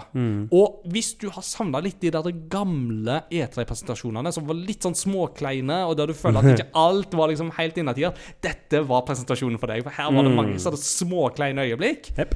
Men samtidig litt artig og litt sjarmerende likevel. Og her er det mange spill å se fram til, altså. La oss begynne. Just Dance 2024 kommer 24. oktober. Um, Det er et altså, veldig populært spill blant veldig mange. ass. det er jo det. Ja. Og altså, jeg må innrømme at det, det ser ikke feil ut, det de gjør, jobber med her. Og det som er gøy, er jo at Just Dance blir olympisk e-sport. Viste de. Ja. Så Stemmer, hva nå enn det innebærer. Og altså, hadde ikke OL Hadde ikke OL vært liksom et sånt korrupsjonsmareritt akkurat nå, så hadde det absolutt vært interessant, det. Men eh, eh, Eller, det er jo interessant uansett. Mm. Ja, det er ikke det. det er det. Så um, kult. Kult. Ja. Og så uh, viste de veldig mye gameplay fra Avatar. Frontiers Mm. of Pandora, som kommer 7. desember fra um, Det er jo, tror jeg, er Massive som lager, faktisk. De som lager Star Wars Mm. Outlaws.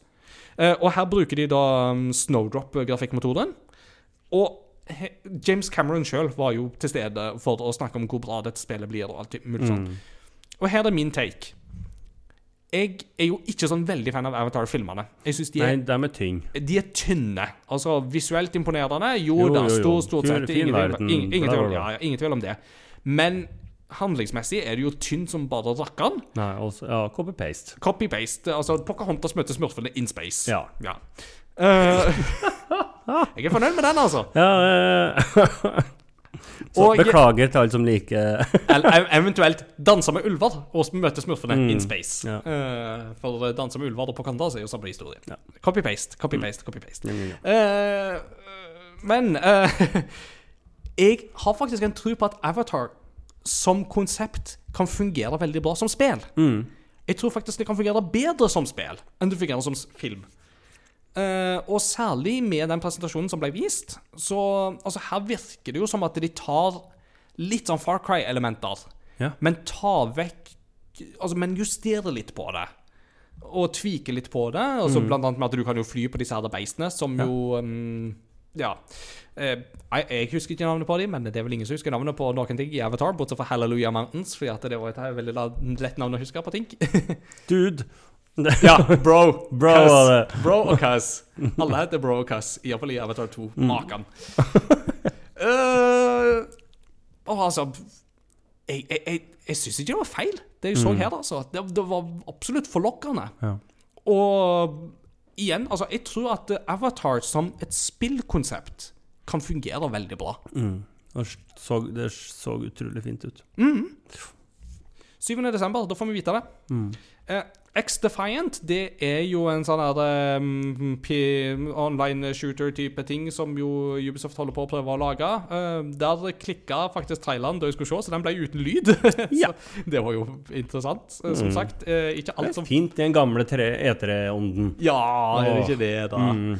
Uh, men uh, det er nå så. Uh, Prince of Persia, The Lost Crown. Her fikk vi jo se mer gameplay. Og Ja. litt sånt, og det var jo, har vi jo allerede snakka masse om, Mm, men altså, mm. det, vi er jo faktisk litt keen på det. Så fikk vi se en veldig sånn krampaktig presentasjon av Captain Laserhawk The Blood Dragon Remix. Et animeshow til Netflix som kommer høsten 2023. Uh, og jeg har skrevet anime i hermetegn her, for jeg har litt beef med det å kalle ting som ikke er fra Japan, som er animert for anime. Ja. uh, her er det nok bare jeg som er litt vrang og litt purist og litt sånne type ting, men altså, Castlevania, det er ikke en anime. Uh, Captain Laserhawk, det er ikke en anime. Mm -hmm. uh, det er Det er anime-inspirerte ting. Og det er animasjonsserier. Men jeg vet ikke om jeg vil kalle det en anime likevel. Men det virker som en sånn her eh, Dette er bare, holdt jeg på å si, alle de tingene som jeg som uh, skaper av dette her syns var veldig kult, og jeg vokste opp på 90-tallet, uh, blanda med litt Ubisoft-ting her og der. Vær så god. Det så bare veldig, veldig rart ut. Men ikke helt ueffent likevel, må jeg innrømme. Interessant nok. The Division. Uh, dette her um, Ubisoft-spillet. så, så, sånn squad um, inn og litt sånn i, holdt jeg på å si, etter en pandemiaktig greie. Altså, jeg har hørt veldig mye om The Division, men jeg har ikke spilt det sjøl. Ja, det er jo et etablert spill. Det var et etablert spill. Eh, Resurgence, altså, som det heter. The Division Resurgence er da et mobilspill som kommer høsten 2023. Eh, ikke for meg, men uh, kanskje for noen. Ja. Så var Skull and Bones, dette evige piratspillet som jo aldri ser ut til å komme ut. Men uh, Peter De holder på. Ja da. Og Peter, hva er beste måten å presentere et piratspill på? Uh, nei, da vil jeg si Shanties, da. Ja da, og det var jo akkurat det de gjorde her. Ja, her hadde de en sea shanty, og det var schwung over den, altså. Oh, det, ja, det, det er nydelig. Ja da. Og da presenterte de at det skal være en lukka beta 25. til 28. august. Så de begynner å nærme seg noe. Nå nærmer vi oss noe. Så og som vi sier, i, så var det gøy, det. Ikke nærheten av rekord, men det er Ja da. Og så var det The Crew Motorfest, eller Motorfest, som jo han eh, franske mannen Mm. altså, Han elsker å si ordet Motorfest. Yes.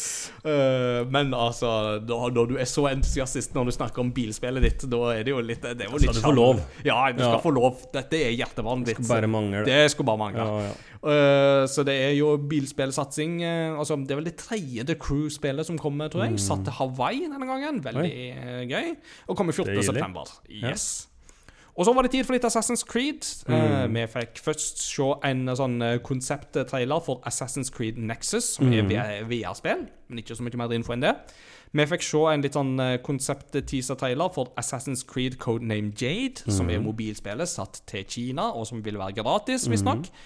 Og så var jo ros- rosinen på her var jo Assassin's Creed Mirage, med litt mer faktisk gameplay og litt sånne type ting. Og Peter, uh, vår eh, resident uh, Assassin's Creed-fan, um, har du sett uh, det Jo da. da? Ja, da, jeg, har- sett, uh, fått med meg Assassin's Creed-traileren og greiene der. Mm. Uh, og er veldig hypa på det. Spennende å gå tilbake. Du, altså, du, du, du slutter jo en sirkel her, på en måte, Mm.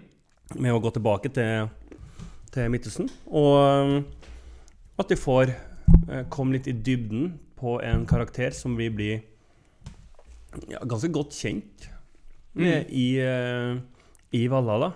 Eh, og høre hans historie. Eh, og du jo Du har jo en del smådetaljer som du ser, bl.a. med at eh, fingeren er jo nå tatt bort igjen. Ja, ja, ja. Eh, for det er jo teknologi som eh, kommer i Italia. Ja da. Det, og, ikke, er- her, her skal du Eh, ofre. og er ikke etablert ennå. Det er et offer som følger med, og da ring, ringfeng, lang, ringfingeren er det vel? Er det, er det ringfingeren eller lillefingeren? Nei, ikke lille. Okay.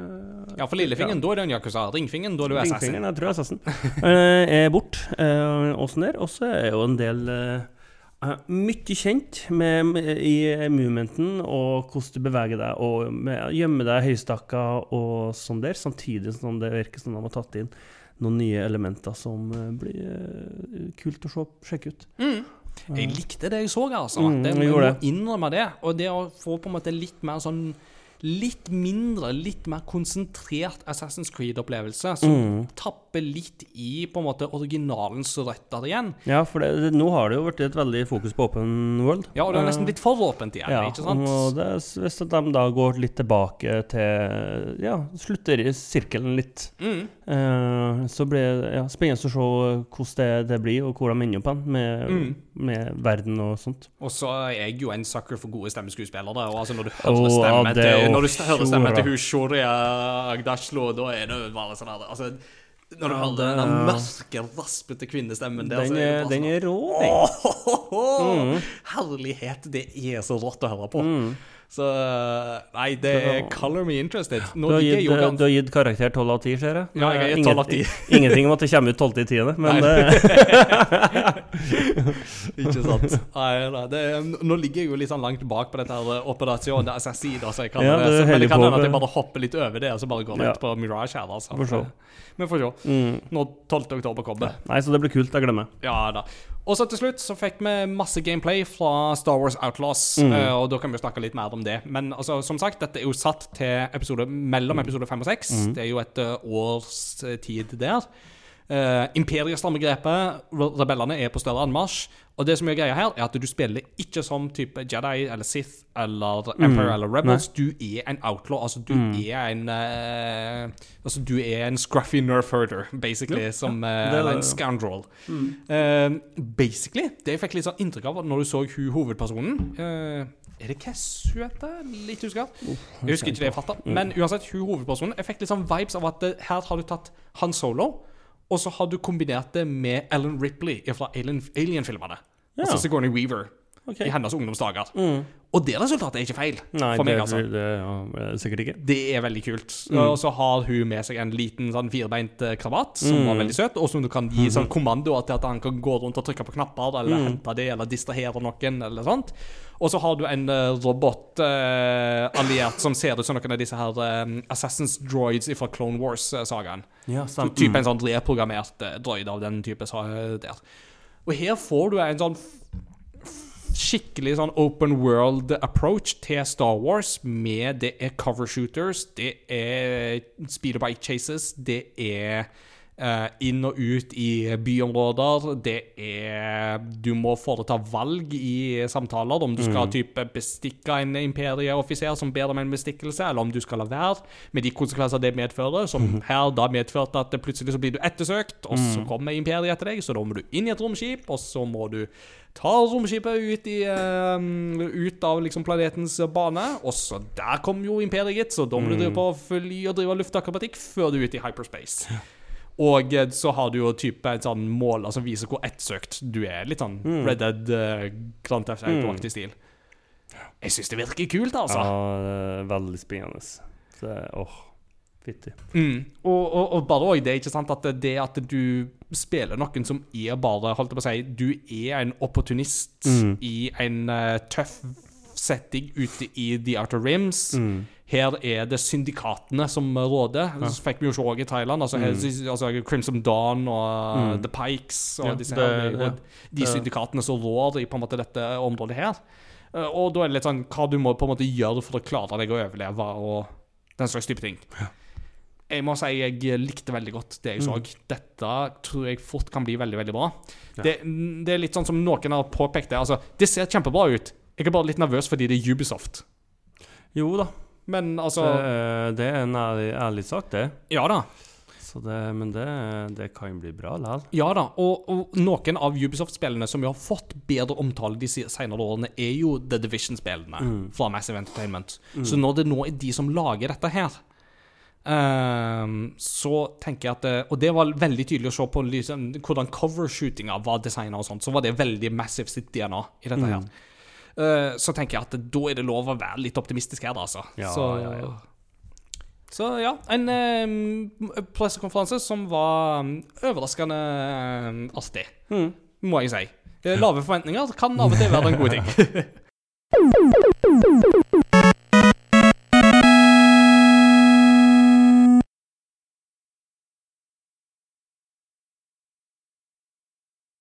og senere på kvelden så hadde Capcom sin showcase, og der var det veldig mye som ble vist, som vi har vært vist allerede. Blant annet dette Kunitsugami, Path of the Goddess. eh, det har vi snakket om. Megaman X Dive Offline kommer til Steam og mobil. Det er litt interessant. Dette er et gammelt Eller hvis jeg har skjønt det riktig, dette er egentlig et mobilspill som har vært online, som floppa. Som de nå da har gjort til en offline-opplevelse, sånn at det kan leve videre. Eh, og, og det liker jeg, altså. Eh, som Megaman-fan. Altså, det var nok Altså selv, altså, selv om jeg er Megaman-fan, så tror jeg ikke dette nødvendigvis helt kommer til å treffe meg, men jeg liker likevel det konseptet de utvikler her. Eh, Resident Evil 4 VR, det var her de viste uh, mer av det, og at det blir gratis som VLC. Det er DLC, sier jeg. Uh, VLC, Virtual Load Content. og så var det mm, Fikk vi litt livstegn ifra Pragmata, som da er et um, det er et, eh, mm, Der har vi bare sett en konsepttrailer tidligere fra Capcom. Type en sånn astronautlignende figur som går rundt i en, et bymiljø og passer på ei lita jente, som tydeligvis har noen mystiske krefter. Vi fikk se en ny sånn type sånn eh, CG-trailer. Eh, der hun jenta sitter og tegner på et ark uh, mens han duden driver på og slåss mot noen fiender. Og så når dette arket liksom detter litt, litt ned i vinden, så har du sett at de har eh, Der står det 2022. Og så har hun strøket ut det, og så står det 2023. Og så har hun strøket ut det òg, og så står det bare 'No date, very sorry'. Det er da deres måte å annonsere at vi jobber fortsatt med Pragmata, men det er forsinka. Vi har ikke en lanseringsdato for det. Eh, Litt sånn sårt, men samtidig litt sånn det, det er måten å annonsere på en måte at det, det, spillet lever fortsatt, men vi trenger mer tid. Ja. Det må jeg si at jeg likte det. Og så var det Ghost Trick Phantom Detective remasteren. Den vet vi jo kommer jo nå 30. juni. Eh, den har en demo som nå er ute. Og det var jo da spillets eh, skaper, Sju Er det Tanaka han heter til etternavn, tro? Som var der og presenterte dette her. Og det var litt sånn sjarmerende, fordi han presenterte dette på engelsk. Mm. Eh, og så avslutta han denne presentasjonen med And one more thing. I practice this presentation for two weeks. So next time we meet, I hope we can speak in Japanese. oh. Og det var sånn Eldre, eldre japansk herremann med hatt på hodet som var liksom veldig søt i måten å presentere på. Bare sånn, Jeg har øvd veldig hardt på å få til denne presentasjonen. Uh, fint hvis du kan lære deg litt japansk eh, til gjengjeld neste gang. Så sånn, jeg må si, jeg likte det veldig godt. Ja. Det var litt sånn det- det- Sommer-gamefest, sjarmøyeblikket til 1000, det var litt den eh, presentasjonen. Og så Det som kanskje var gøyest med denne presentasjonen til Capcom, var at de annonserte Apollo Justice Ace Attorney Trilogy.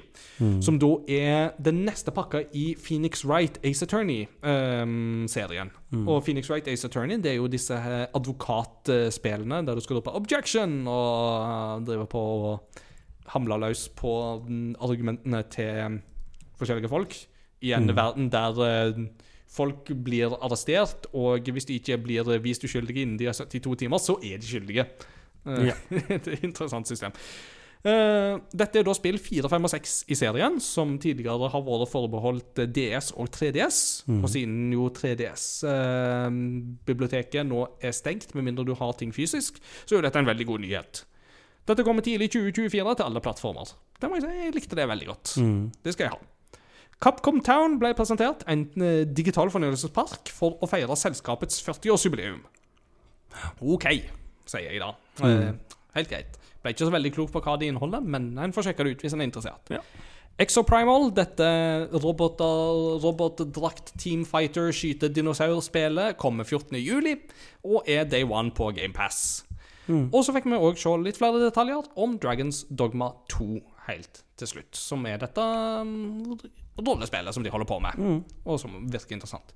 Så Capcom Showcasen, der var det veldig mye som allerede var kjent. Men uh, Apollo Justice og uh, Ghost Trick Phantom Detective-presentasjonen var liksom det som gjorde det for meg her. Så det var Ja, så det var liksom oppsummeringa der. Nå, Peter, Uh, det her var, det var et prosjekt. det er et prosjekt. Det var noe du har stått på, du.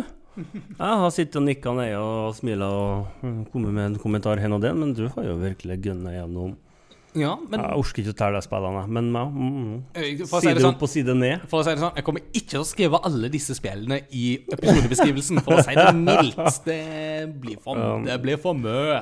Mm, Det er jo bare å kopiere rett inn. Nesten. Men eh, Det, jeg skal redigere denne episoden òg, så jeg må uh, korte det ned. nei, det, det skal du slippe. Ja da. Men altså, Så. hvi- hvis du, mm, hvis du på en måte skal oppsummere liksom litt Ja. um, Hva er det som har blitt vist fram som du kanskje er på en måte mest keen på? Eh, da er jo Assassin's Creed legger jo høyt. Eh, samtidig så har ikke jeg lyst til å si det, fordi det er en kjent oppskrift. Jeg har spilt det før. Mm. Eh, og da er det veldig Da har jeg liksom veldig lyst til å prøve å finne noe annet. Og da har jeg kanskje lyst til å trekke fram Neva, Ja. som jeg er veldig interess... Som eh, ja, jeg er veldig spent på. eh, og veldig eh, ja, Og gleder meg til å, å prøve ut, for det er ja, Har et, så utrolig godt forhold til Gri. Mm. Uh, ja. Og uh, Spiderman 2. Mm. Uh, fordi altså Spiderman som et spill Spiderman generelt, men som et spill er så god stemning. Mm. Eh, det er jo fortsatt uh, Altså Spiderman og eh, Assassin's Creed Black Flag er fortsatt de spillene hvor jeg har brukt fast travel minst. Ja. Fordi det er så kjekt Mm. å høre på sea shanties eller å bare slenge seg rundt i New York. Oh, uh, så det er ja, ikke, ikke veldig overraskende, tror jeg, for, folk her. Men uh, som jeg gleder meg De, de, er, de er høyt opp på min liste. Mm. Ja. Mm. Det, Du, Ingar? Det holder jeg med deg i. Eh, vil stille meg bak deg, uh, absolutt. Uh, Soul of the Sea er jo et uh, Jo, for det er jo mm. Mm, og Talos Principle 2 er jo òg sånn som er gøy. Uh, Alan Wake 2 uh, Ja. Det er jo et spill som jeg er veldig hypa på, og Mm. veldig gira på at det faktisk nå endelig skjer. Uh, Towers of Agaspa var jo nevnt som en sånn gøyal uh, Altså en, en sånn miks av på en måte Noen ting virker på en måte kjente, men vi vet ikke helt hva det er. Uh, jeg bare på en måte scroller litt sånn kjapt igjennom her for å på en måte minne meg sjøl på en måte hva som har blitt vist. og sånt. Men Sandland nevnte jeg jo. Dette Akira Toriyama-spillet. Mm. Um, Warhammer 40K Space Marine 2 kan jo fort uh, bli litt sånn enkel, men samtidig god underholdning. Jo, jo, uh, absolutt. Uh, prøver å gå litt videre og bare liksom uh, Kibu. uh, dette her røde panda-spillet fra Wholesome Games, uh, Wholesome Directen, uh, som jo absolutt vil sjekke ut. Mm. Prince men- of Persia. Ja, Prince of Persia. folk Men det meste var nok på en måte fra Xbox Games Showcase. Der var det mye gull, altså. Mm. Ja. Star Wars, Fable, Mm. Persona 3 Det er Star Wars, uh, hallo. Det, ja, det, det blir så mye Ja. ut at en blir blind på To, to Like a Dragon-spill har blitt annonsert. Mm. eh, eller vi visste jo for så vidt at de var på vei, men nå har vi fått litt mer sånn dato eller lanseringsvindu på de og litt sånt. mm. Eh, Clockwork Revolution, mm, altså basically Bioshock Infinite 2, uh, Mm. om du vil. Det Ja, ingen herrespill inni her en plass. Uh, Avatar. Ja, eh, Lord of Moria. Uh, Mm. Nei, Return to Moria, var det det het, ja. Så nei, altså det, det, det, det, er mye å se fram til, det er det iallfall ikke tvil om. Å, oh, det er så travelt å være gamer. Å uh. oh, nei, vi har det så vondt. Det er så fælt. Det er vanskelig. Nei, Mm, ja. vi har det bra, Peter. Jeg storkoser meg. Ja, det er bra. Det er godt å høre. Dette blir nok det- siste episoden vi har på en stund. Nå Mm. blir det sommerferie, Ja, og da er det jo litt sånn interessant å vite, finne ut når neste episode blir. Det blir iallfall noe sånn mot uh, siste halvdel av august, vil jeg Mm. tro. Um, men eh, så får vi se om det eventuelt dukker opp noen spin-offs eller noe sånt i mellomtida der.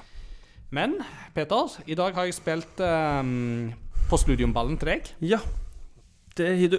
Uh, og i dag så skal vi dere få eh, Skal dere få et eh, få smakebit fra Jedi Survivor. Um, det her er en sang som Den kommer helt på slutten.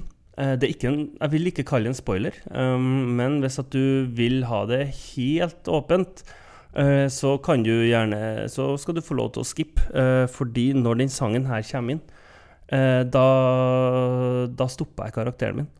Og for bare sånn Oh, holy mo det, For det her var deilig. Mm. Eh, og hvor jeg, var, jeg liksom jeg var, jeg var nervøs for å ikke gå for langt, for jeg var for redd for at musikken skulle stoppe. Uh, en utrolig deilig uh, sang.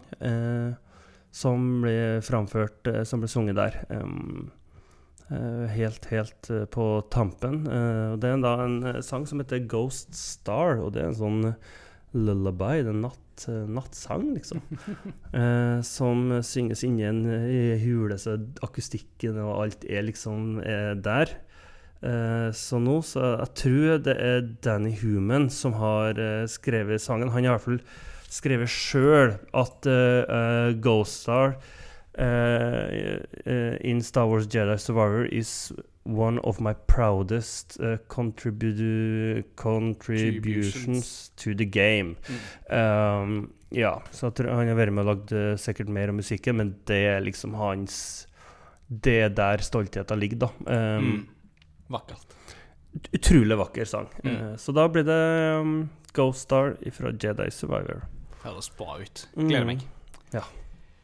Da har vi oppsummert. Håper dere hang med helt til slutt. Kanskje dere hadde måttet tatt litt pauser og sånt underveis. Det er veldig lov, det. Mm. Vi takker for følget. Eh, Følg oss på sosiale medier. Kom og heng med oss på Discord. Og lenker til alle disse tingene her finner du på crossovergaming.no. Vi snakkes ved neste korsvei, når det nå enn blir. Ha det bra! Ha det! Go star, wonder where you are. Go star, are you very far? All night long, I will sing your song.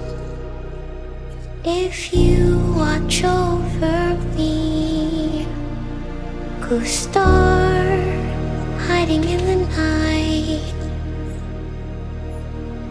All your friends are oh so bright. When the sky is clear, I can sense you near.